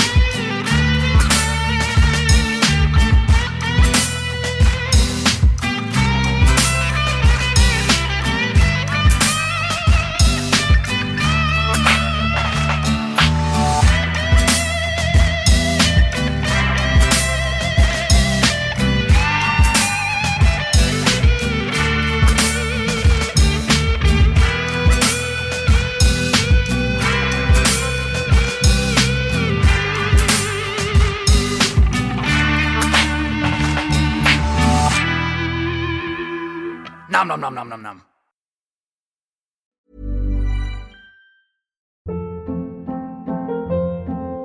Hold up. What was that? Boring. No flavor. That was as bad as those leftovers you ate all week. Kiki Palmer here, and it's time to say hello to something fresh and guilt-free. Hello Fresh. Jazz up dinner with pecan-crusted chicken or garlic butter shrimp scampi. Now that's music to my mouth. Hello Fresh. Let's get this dinner party started. Discover all the delicious possibilities at hellofresh.com.